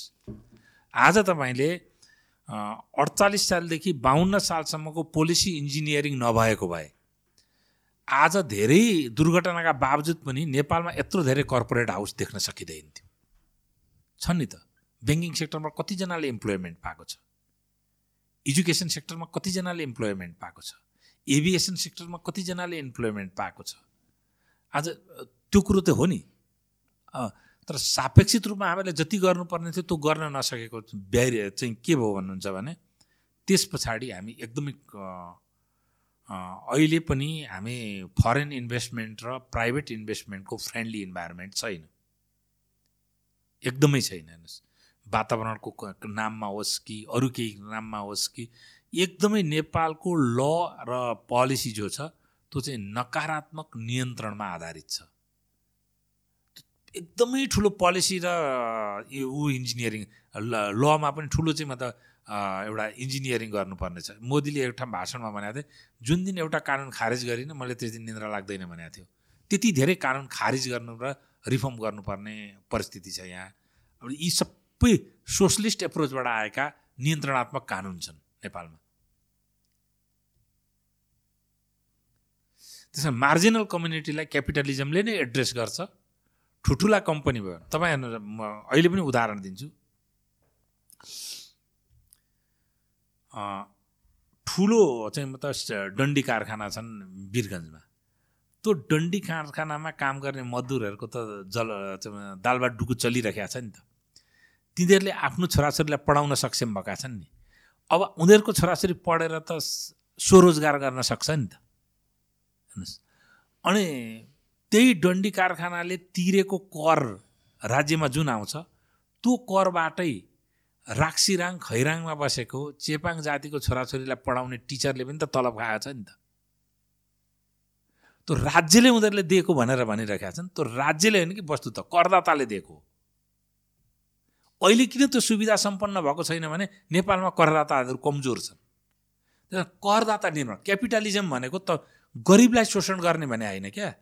क्यापिटल उत्पादन गरेर क्यापिटल धारण गर्ने र उत्पादकत्व बढाउने जमातको वृद्धि भनेको त्यो जति वृद्धि भयो सीमान्तकृत मान्छेहरूको उति चाहिँ मतलब भलो हुन्छ। जति उनीहरूको भलो पहिलो पिँढी जागिरे हुन्छ दोस्रो पिँढी अन्टरप्रिनर हुन्छ। त्यसरी अगाडि बढ्छ सोसाइटी। सो नेपालको कन्टेक्समा सोसियलिजमको कुन एस्पेक्ट छ तपाईँलाई चाहिँ त बुझ्दैन? के छ लागु भइरहेको? किनभने इट्स इट्स अ मिक्स। यो प्योर न प्योर क्यापिटलिस्ट देखिन्छ न प्योर सोसियलिस्ट देखिन्छ। यो। यो त वर्णशङ्कर जस्तो देखिन्छ। वर्णशङ्कर भने चाहिँ गीतामा पनि राम्रो शब्द राम्रो शब्दको रूपमा लिइन्न होइन? यो चाहिँ वर्णशङ्करै स्थिति छ तर माइन्ड सेट चाहिँ सोसलिस्ट छ। नियन्त्रणवादी सोच जुन छ पुँजीमाथि नियन्त्रण गर्नुपर्छ र पुँजी धारण गर्ने वर्ग चाहिँ शत्रु वर्ग हो भन्ने जुन प्रकारको भाष्य जनजनमा स्थापित भएको छ नेपालका सोसलिस्टहरूको सबैभन्दा चाहिँ म त अस्वस्थ्य र खराब पक्ष चाहिँ यही हो। Let's move on to foreign policy हजुर। सो फरेन पोलिसीको बारेमा के भन्नुहुन्छ त? फरेन पोलिसीमा तपाईँलाई एउटा प्रश्न छ। संसारको कुनै पनि देशको संविधान हेर्दाखेरि संविधानमै फरेन पोलिसीको कुरो यस्तो हुनुपर्छ भनेर लेख्ने देश कुनै पाउनु भएको छ संसारको ओल्ड अर्डर जसरी परिवर्तन हुन्छ त्यसमा राष्ट्र। राष्ट्रको स्वार्थलाई केन्द्रबिन्दुमा राखेर परिवर्तन गर्नुपर्छ।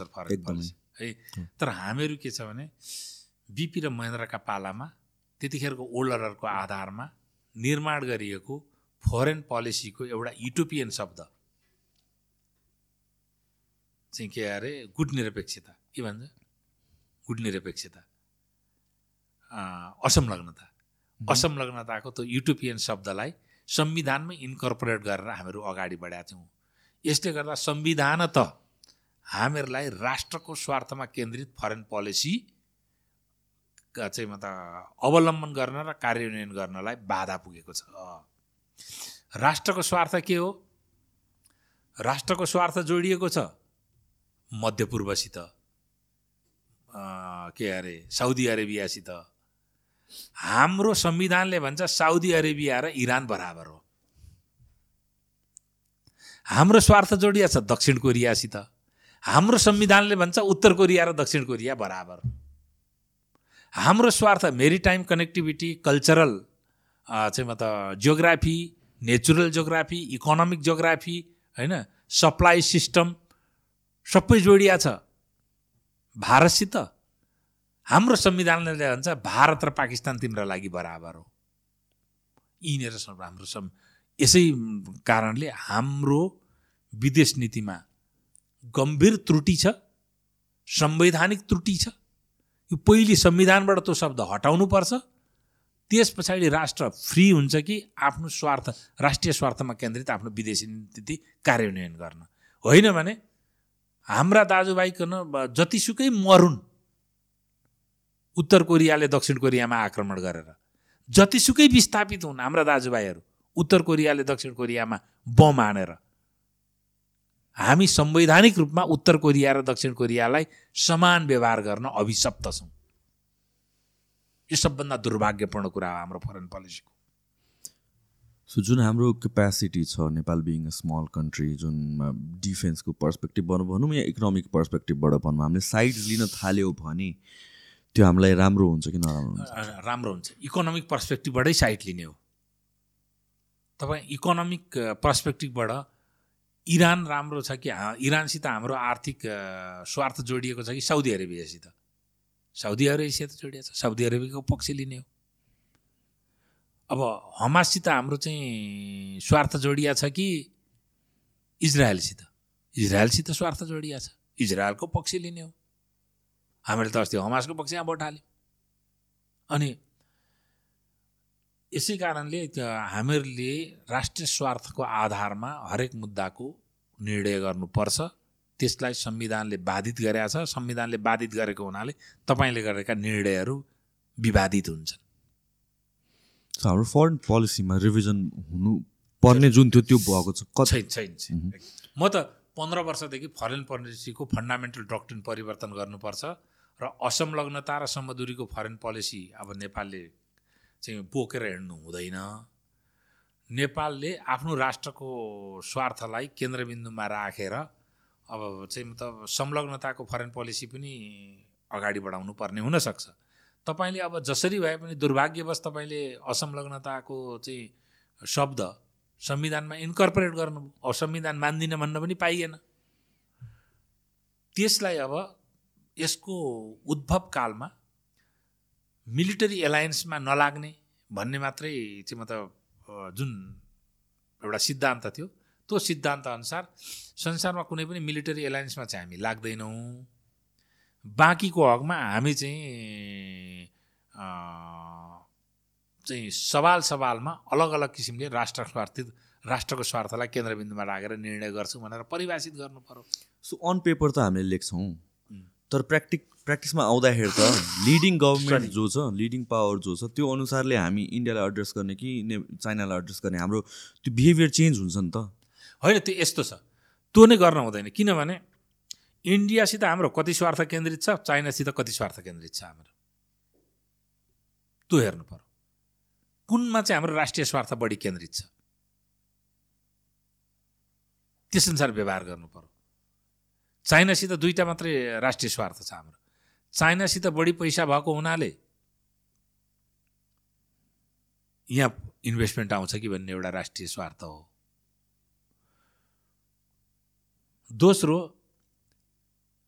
चाइनासित बढी जनसङ्ख्या भएको भए हुनाले त्यो पर्यटक आउँछन् कि भन्ने। तर हाम्रो पर्यटक इन्फ्रास्ट्र पर्यटनको इन्फ्रास्ट्रक्चर चाइनिज टुरिस्टको मनोविज्ञानलाई र भौतिक चाहनालाई एड्रेस गर्ने किसिमको छैन। मैले यसलाई यहाँभन्दा बढी प्रस्ट्याइन राम्रो पनि हुन्न। दोस्रो भनेको तिब्बत मामलामा हामीहरूको केही हाम्रो जोग्राफीबाट केही चाइनालाई पोकिङ भयो भने चाइनाले रिसिभ प्रकट गर्यो भने ऊ शक्तिशाली भएको हुनाले हामी धान्न सक्दैनौँ भन्ने। यो दुईवटा भन्दा अरू स्वार्थ चाइनासित हाम्रो केही पनि जोडिएको छैन। मेन आई थिङ्क द यो लास्ट वान हो। लास्ट कन्फ्लिक्टको कुरा। अनि त्योभन्दा अरू केही पनि हाम्रो स्वार्थ जोडिया छैन। त्यस कारण तिनै दुईवटा हाम्रा राष्ट्रिय स्वार्थ जोडिया हुनाले तिमीलाई यिनै दुईवटा प्रिन्सिपल अनुसार हामी व्यवहार गर्छौँ भनेर चाइनालाई। राजाका पालामा पनि भने बिपीका पालामा पनि भनेको अहिले पनि भनिराखेका छौँ। जब तँभन्दा बाहिर चाइना जान चाहन्छ अथवा हामीहरू पनि चाइनालाई तँभन्दा बाहिरको कुरामा चाहिँ मतलब तिम्रो स्वार्थलाई एड्रेस गरिदिन्छौँ भनेर अगाडि जान सक थाल्छौँ भने त्यस पछाडि दुर्घटना अवश्यम्भावी छ एउटा। दोस्रो भारतसित। भारतसित हाम्रो जोडिएको स्वार्थ स्वार्थ जोडिएको कुरा के हो भने हाम्रो समृद्धिको आधार भनेको दुईवटा प्रकृतिले दिएको जलस्रोत सभ्यताले दिएको हाम्रा मठ मन्दिर।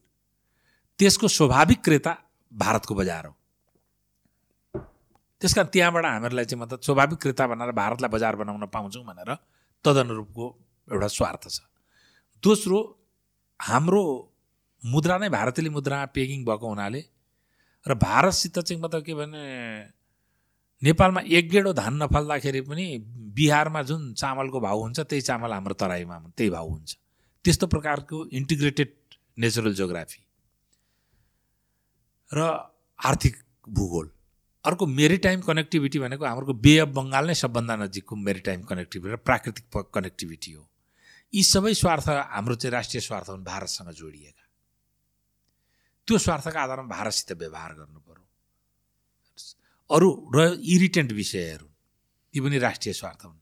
इरिटेन्ट विषय भनेको भारतसित पनि हामीहरूको केही ठाउँमा सीमाको समस्या छ। चाइनाले पनि पैँसठी पछाडि अहिलेसम्म सीमा सर्वेक्षण भएर पनि प्रोटोकलमा हस्ताक्षर नभएको हुनाले चाइनासित पनि हाम्रो सीमाको समस्या छ। यी दुईवटा सीमा समस्याहरू इरिटेन्ट हुन्। ती इरिटेन्टलाई पनि डिप्लोमेटिकल्ली एड्रेस गर्ने हो। ती चाहिँ मतलब नेगेटिभ स्वार्थहरू हुन् है? बाँकी पोजिटिभ स्वार्थ अघि मैले भने यसको आधारमा व्यवहार गऱ्यो भने कोही हाम्रो कुनै कन्फ्युजन हुँदैन। म त I am having full confidence म त भारतको जुन नेता अगाडि आए पनि म त्यसको चित्त बुझाउन सक्छु भन्ने मलाई कन्फिडेन्स छ। चाइनाको जुन नेता अगाडि आए पनि म त्यसलाई चित्त बुझाउन सक्छु भन्ने कन्फिडेन्स छ। यस पछाडि तपाईँको साङ्गठनिक स्वार्थ त वैयक्तिक स्वार्थका लागि गुपचुप कुरा गर्नुहुन्छ भने दुर्घटना हुन्छ। तपाईँलाई सन्देह गर्छ पिपुलले सन्देह गर्छ इन्टेलेक्चुअल कम्युनिटीले।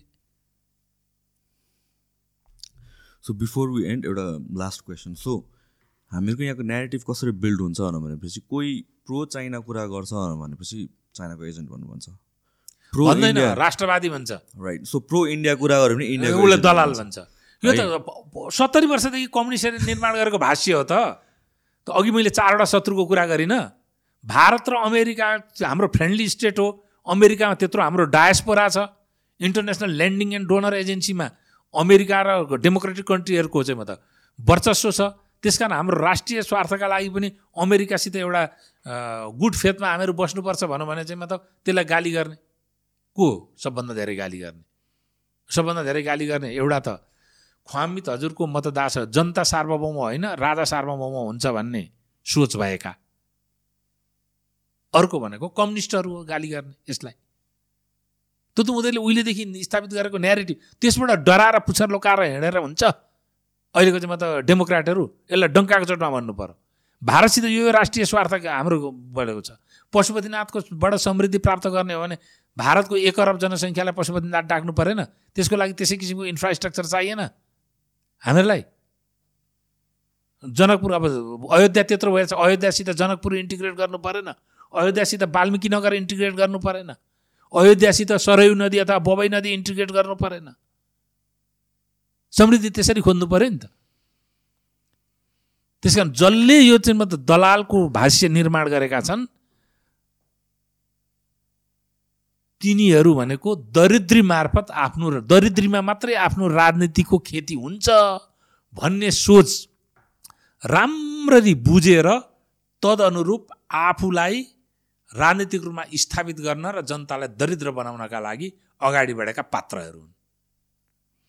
एक दोस्रो अर्को पनि छ बडो कठोर कुरा गर्छु म। जसले सम्पूर्ण सर्भिस र प्रोडक्सनका कुराहरू र इन्फ्रास्ट्रक्चरका परियोजनाहरू सरकारको कस्टडीमा हुनुपर्छ भनेर बढी उत्ताउलेर कुरा गरिरहेका छन् नि। तिनीहरू के हुन् भन्नुहुन्छ भने सरकारको कस्टडीमा भने करप्सन ज्यादा हुन्छ। अनि करप्सन भएपछि करप्सनले यति धेरै भिजिलान्ते पाल्न सक्छ नि। प्राइभेटाइजेसन र एसेट मोनिटाइजेसनका विरोधीहरू या त मूर्ख हुन् या त भ्रष्टाचारको पैसाले पालिन सक्ने र भ्रष्टाचारको पैसाप्रति लालायत भिजिलान्तेहरू हुन्। तेस्रो सत्य नै छैन। यसो मेरो बडो कठोर मूल्याङ्कन छ यसमा हेर्नुहोस्। त्यसै गरेर भारत र अमेरिकालाई दुश्मन करार गर्ने पनि त्यही वर्गका मानिसहरू हुन्।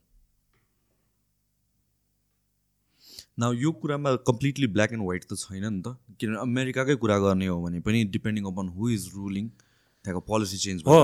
त्यसमा चाहिँ के भने अमेरिका र युरोपलाई हेर्ने त अघि पनि मैले भनिहालेँ। अमेरिकाबाट चाहिँ ओक लेफ्टिस्टहरू क्यान्सिल कल्चरहरूको वर्चस्व छ हेर्नुहोस्। अब फ्री सोसाइटी हो होइन? अनि कन्जर्भेटिभहरूले रुल गर्दाखेरि अलिकति अहस्तेकारी पनि हुन्छन् उनीहरू।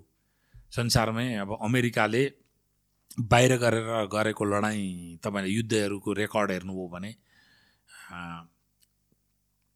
अस्सी प्रतिशत युद्ध चाहिँ नि डेमोक्रेटहरूले लडेका छन्। True. रिपब्लिकनहरूले त्यसलाई अन्त्य गरेका छन्। यो यो कुरा म एकदम राम्रो एउटा कुरा क्ल्यारिफाई गर्न चाहन्छु किनभने म I I talk a lot about अमेरिकाको अगेन्स्टमा सर्टन एक्टिभिटिजहरू जुन कन्डक्ट भइरहेको छ। या हुन्छ भनेर भने होइन? म एन्टी अमेरिकन चाहिँ होइन by any means I am against the डेमोक्रेट्सले जे गरिरहेको छ अहिले आएर। त्यो एक्टिभिटीको अगेन्स्ट हो क्या म? त्यो कुरो तपाईँसित म चाहिँ एकदमै सहमत राख्छु।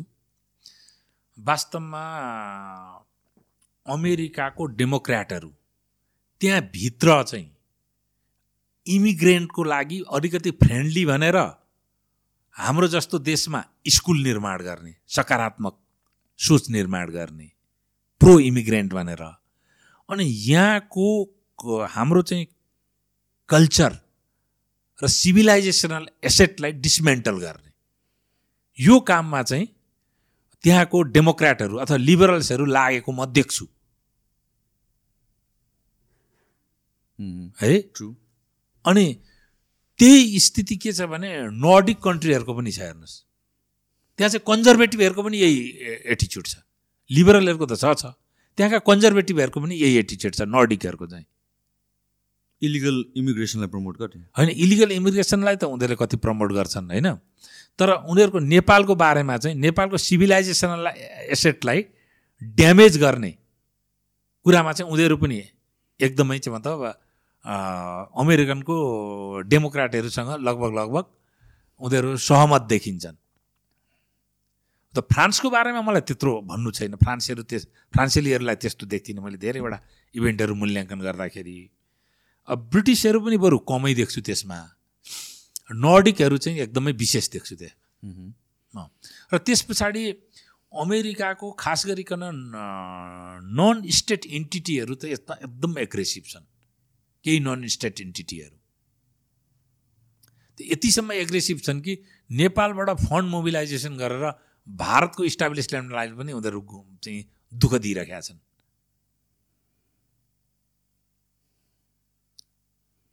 सो अहिलेको प्रब्लम चाहिँ त्यही हो कि यो जुन डेमोक्रेट्सकै कुरा या लिबरल्सको कुरा गरेर गऱ्यौँ होइन यो स्पेसली वेन पहिलेको लिबरल र अहिलेको लिबरलमा के छ? धेरै फरक छ। पहिलेको। एकदम पहिलेको डेमोक्राटहरू चाहिँ डिकन्स्ट्रक्सनिस्ट थिएनन्। होइन? अहिलेका चाहिँ एकदमै डिकन्स्ट्रक्सनिस्ट भयो कि तिनीहरू even they are being harmful for Christianity hundred percent अहिलेको कन्टेक्समा म एउटा कुरा गरिहालौँ। हजुर। अहिलेको कन्टेक्समै कुरा गर्दाखेरि यो स्पेसली बोर्डर इस्युजको कुरा जुन आउँछ अमेरिकाको कन्टेक्समा होइन? पिपल से लाइक म अब किनभने बेला बेलामा यो कुरा मैले चाहिँ त बुझ्दैन म पोस्ट गरेर आउँछ। नि people are like why are you so much interested in अमेरिकाको अफेयर्स अफकोर्स इन्ट्रेस्ट हुनुपर्छ किनभने that's a global super power जसले हामीलाई डिरेक्टली अफेक्ट गर्छ। उसको कल्चर सबै चिज यहाँ आउँछ। उसले जे गर्यो युरोपमा माइग्रेन्ट क्राइसिस भइरहेछ कि छैन त अहिले? छ। त्यही देखासी कि होइन र? हो। So of course we need to चित्त नबुझेको कुरामा त बोल्नु पर्यो तर बोल्यो भन्दैमा I'm not saying I'm never against America certain थिङ्सहरू चित्त नबुझ्नु चाहिँ हो अमेरिकाको एउटा ब्युटी चाहिँ मलाई चित्त बुझ्छ। डिप्लोमेटिकल्ली त्यहाँको चाहिँ म त डिप्लोमेट्सहरूसित पनि भेट भइरहन्छ। त म यसको एकदम एक्सट्रिम एगेन्स्टमा छु भन्ने उनीहरूलाई राम्ररी थाहा छ। तर सैद्धान्तिक र पोलिटिकल एगेन्स्टमा जति कुरा गरे पनि दे आर टलरेन्ट जबसम्म उनीहरू सर्टन लेभल अफ टेरोरिजमको सिचुएसनमा पुगेको परिस्थिति महसुस गर्दैनन् र उनीहरूको स्ट्राटेजिक इन्ट्रेस्ट खास गरिकन ग्लोबल टेरोरिजम र मार्क्सिस्ट एक्सपान्सनिजमको बारेमा उनीहरूको इन्ट्रेस्टलाई कन्ट्राक्टिङ गरेको परिस्थिति नहुन्जेलसम्म अमेरिकनहरू उनीहरूको विरोध गरेकै आधारमा चाहिँ मलाई एग्रेसिभ भएको मलाई चाहिँ महसुस छैन। मजाले अहिले तपाईँसितकै वार्तामा पनि मैले त अमेरिकनहरूलाई राम्ररी नै चाहिँ म त छ्यासेँ नि त। Still I am confident enough I am having good relation with USA so can you say the same about नेपालको कन्टेक्समा अन्त आई कान्ट पर्सनल लेभलमा पुग्छ नि त सबै कुरा। पर्सनल लेभलमा त अब इन्स्टिट्युसनल लेभलमा पुग्नुपर्ने र त्यो इन्स्टिट्युसनल लेभलमा सबभन्दा बढी यसलाई ह्यान्डल गर्नुपर्ने नेपाली कङ्ग्रेसले हो। नेपाली कङ्ग्रेसले पनि ह्यान्डल गर्दाखेरि त नेपाली कङ्ग्रेस इन्स्टिट्युसन हो। अन्तिममा त त्यो इन्स्टिट्युसनलाई बायोलोजिकल पर्सनले नै ह्यान्डल गर्ने हो। ती बायोलोजिकल पर्सनहरूसित चाहिँ म त अब I don't want to say anything about it about their personal ability and understanding okay I pray for the best okay so I think हामीले मच धेरै कुराहरू समअप गऱ्यौँ anything you would like to add at the end केही छुटेको छ कि? सुहानजी मैले तपाईँको यो त्यो पपुलर पोडकास्ट पहिलेदेखि पनि हेर्दै आएको हुँ। आज मलाई यसको लागि एउटा उचित पात्र ठानेर डाक्नुभयो। हामीले एउटा कन्जर्भेटिजम कल्चरल नेसनलिजम र क्यापिटलिजम र थोरै नेपालको फरेन पोलिसीको बारेमा पनि हामीहरूले भन्न पायौँ। अब यसका अतिरिक्त धेरै विषयहरू छन् तर ती विषयहरूलाई अब धेरै छरपष्ट पनि नपारौँ। अरूमा आयो भने खास गरिकन नेपालको समृद्धिको आधारमा वर्तमान संविधानको शल्यक्रिया पनि एकचोटि गर्ने इच्छा छ तपाईँसँग। अब कहिले मिल्छ गरौँला भविष्यमा। Definitely and I I believe कि यस्तो काइन्ड अफ कन्भर्सेसन डिस्कोर्स एकदमै हुन जरुरी छ र डिफ्रेन्ट आइडियोलोजीकै मान्छे भए पनि we need to listen to each other अनि त्यसपछि एउटा विदाउट गेटिङ इमोसनली इन्भल्भ त्यो चाहिँ एकदमै इम्पोर्टेन्ट पार्ट छ र त्यो पार्ट कहाँ कहाँ हराइरहेको म देख्छु कि? सो द्याट अनि त्यसले गरेर ह्युज डिभाइड क्रिएट भएको छ। एकैचोटि लास्टमा गएर तपाईँले चाहिँ यो एउटा कुरा उकाउनु भयो होइन? प्लिज अब म पनि चाहिँ म त हिँडौँ हिँडौँ भन्दा भन्दै पनि मैले चाहिँ अब बस्ने नै है? In spite of time pressure है?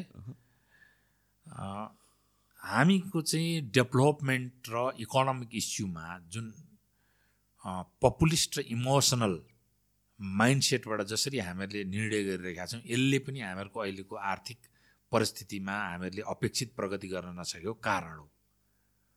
तपाईँलाई म भर्खरै मैले भ्रमण गरेको एउटा उदाहरण दिन्छु। बागलुङको बलेवामा एयरपोर्ट बनाइयो। फर्स्ट क्लास एयरपोर्ट छ ब्ल्याकटप एयरपोर्ट छ। तर एक वर्षदेखि एउटा पनि जहाज गएको छैन। त्यो एयरपोर्ट बनाउनुपर्छ भनेर काङ्ग्रेसले पनि कम्युनिस्टले पनि सामाजिक अभियन्ताले पनि सबै चाहिँ मर्चेन्ट एसोसिएसनले पनि या भनेको चेम्बर अफ कमर्सले सबैले दबाब दिए। पपुलर इस्यु बन्यो। तर त्यो पपुलिजमको अगाडि भकिँदाखेरि नीति निर्माण तहले हेर है यसको पहिली डिपिआर तयार गरेर यसको कमर्सियल भायबिलिटी हामीहरूले मूल्याङ्कन गर्नुपर्छ। त्यहाँ वैकल्पिक चाहिँ मतलब एसेसिबिलिटी नभएको कारणले प्लेन बनाउनु प एयरपोर्ट बनाउनु पर्ने बाध्यता होइन। ठुलो पपुलेसन पकेटलाई को लागि पनि बनाउनु पर्ने बाध्यता होइन। त्यसकारण त्यो ठाउँमा कमर्सियल्ली भाइबल छ कि छैन र सबै एयरलाइन्सहरू त्यहाँ उडाउँछन् कि उडाउँदैनन् र त्यसले पेसेन्जर पाउँछ कि पाउँदैन पहिले त्यो स्टडी गरेर मात्रै हामी निर्णय गर्छौँ। त्यो एयरपोर्ट भनेको पहिली चाहिँ बाटो नपुग्दाखेरि निर्माण भएको एयरपोर्ट थियो भनेर नीति निर्माण तहले कुरा गर्नुपर्नेमा सबैतिर प्रेसर आएर उनीहरूले त्यो काम गरे। तपाईँ हामीले तिरेको करको चरम दुरुपयोग? बरु करको अनुपयोग होस्। ट्रेजरीमा त बसिरहन्छ। दुरुपयोग भएपछि त दुरुपयोग भयो सक्यो त। यस्तै प्रकारले नेपालमा बाटा घाटा एयरपोर्ट यस्ता इमोसनका आधारमा सनकका भरमा जो विकास जो कोइन गरिन्छ नि त्यसले झन् धेरै हामीलाई दुर्घटनातिर लगिरहेका छ हेर्नुहोस्। विकास निर्माण पूर्वाधार होस् सबै विकास निर्माण भनेको समाजका आधारमा गर्ने हो। यसका निर्जीव तथ्याङ्कहरूलाई केलाएर गर्ने हो। यसमा इमोस जति इमोसनल हुनुहुन्छ त्यति बिग्रिँदै जान्छ। फास्ट ट्र्याकमा इमोसनल भएर हामीहरूले कर्पोरेट इन्टिटीलाई किक गऱ्यौँ राष्ट्रवादी भएर आर्मीलाई दिउँ एक सय बिस अरबको प्रोजेक्ट अब तिन सय कि चार सय अरबमा बनाऊँ तपाईँ हाम्रो करबाट गयो। करबाट पैसा खर्च गर्नु भनेको हामीहरूले त्यो बो बोकेको हो कि त्यो त्यसको अभिभारा। ऋण लियो भने पनि त्यो तपाईँ हामीले नागरिकले बोक्ने हो कि त्यो ऋण? मन्त्रीले बोक्ने होइन। मन्त्री पनि एउटा नागरिक भएको हुनाले जति बोक्ला बोक्ला। अदरवाइज ऊ अथोरिटीमा परेको हुनाले उसले अतिरिक्त बोक्ने होइन। यो जनतालाई चाहिँ सम्झाउनु पर्यो। त्यस कारण यो तपाईँले अन्तिममा जुन इमोसनको कुरा हो यो दुर्भाग्यपूर्ण हो कि नेपालमा आर्थिक मुद्दा होस् विदेश सम्बन्धको मुद्दा होस् यी दुइटै इमोसनले गर्दा म्यासिभ रूपमा डेरियल्ड भएको अवस्था हो अहिले। हाम्रो देशको अहिलेको दुर्घटनाका लागि यस्ता विषयलाई अनुमोदन गरेको हुनाले हामी पब्लिक पनि केही हदसम्म दोषी छौँ। Arunji thank you so much hopefully अब अर्को सेसन पनि हामी बसौँ डिस्कस गरौँ एन्ड यो कुरालाई अझ कन्टिन्यू गरौँ. हस् यो चाहिँ I enjoyed thank you very much thank you so much bye everybody bye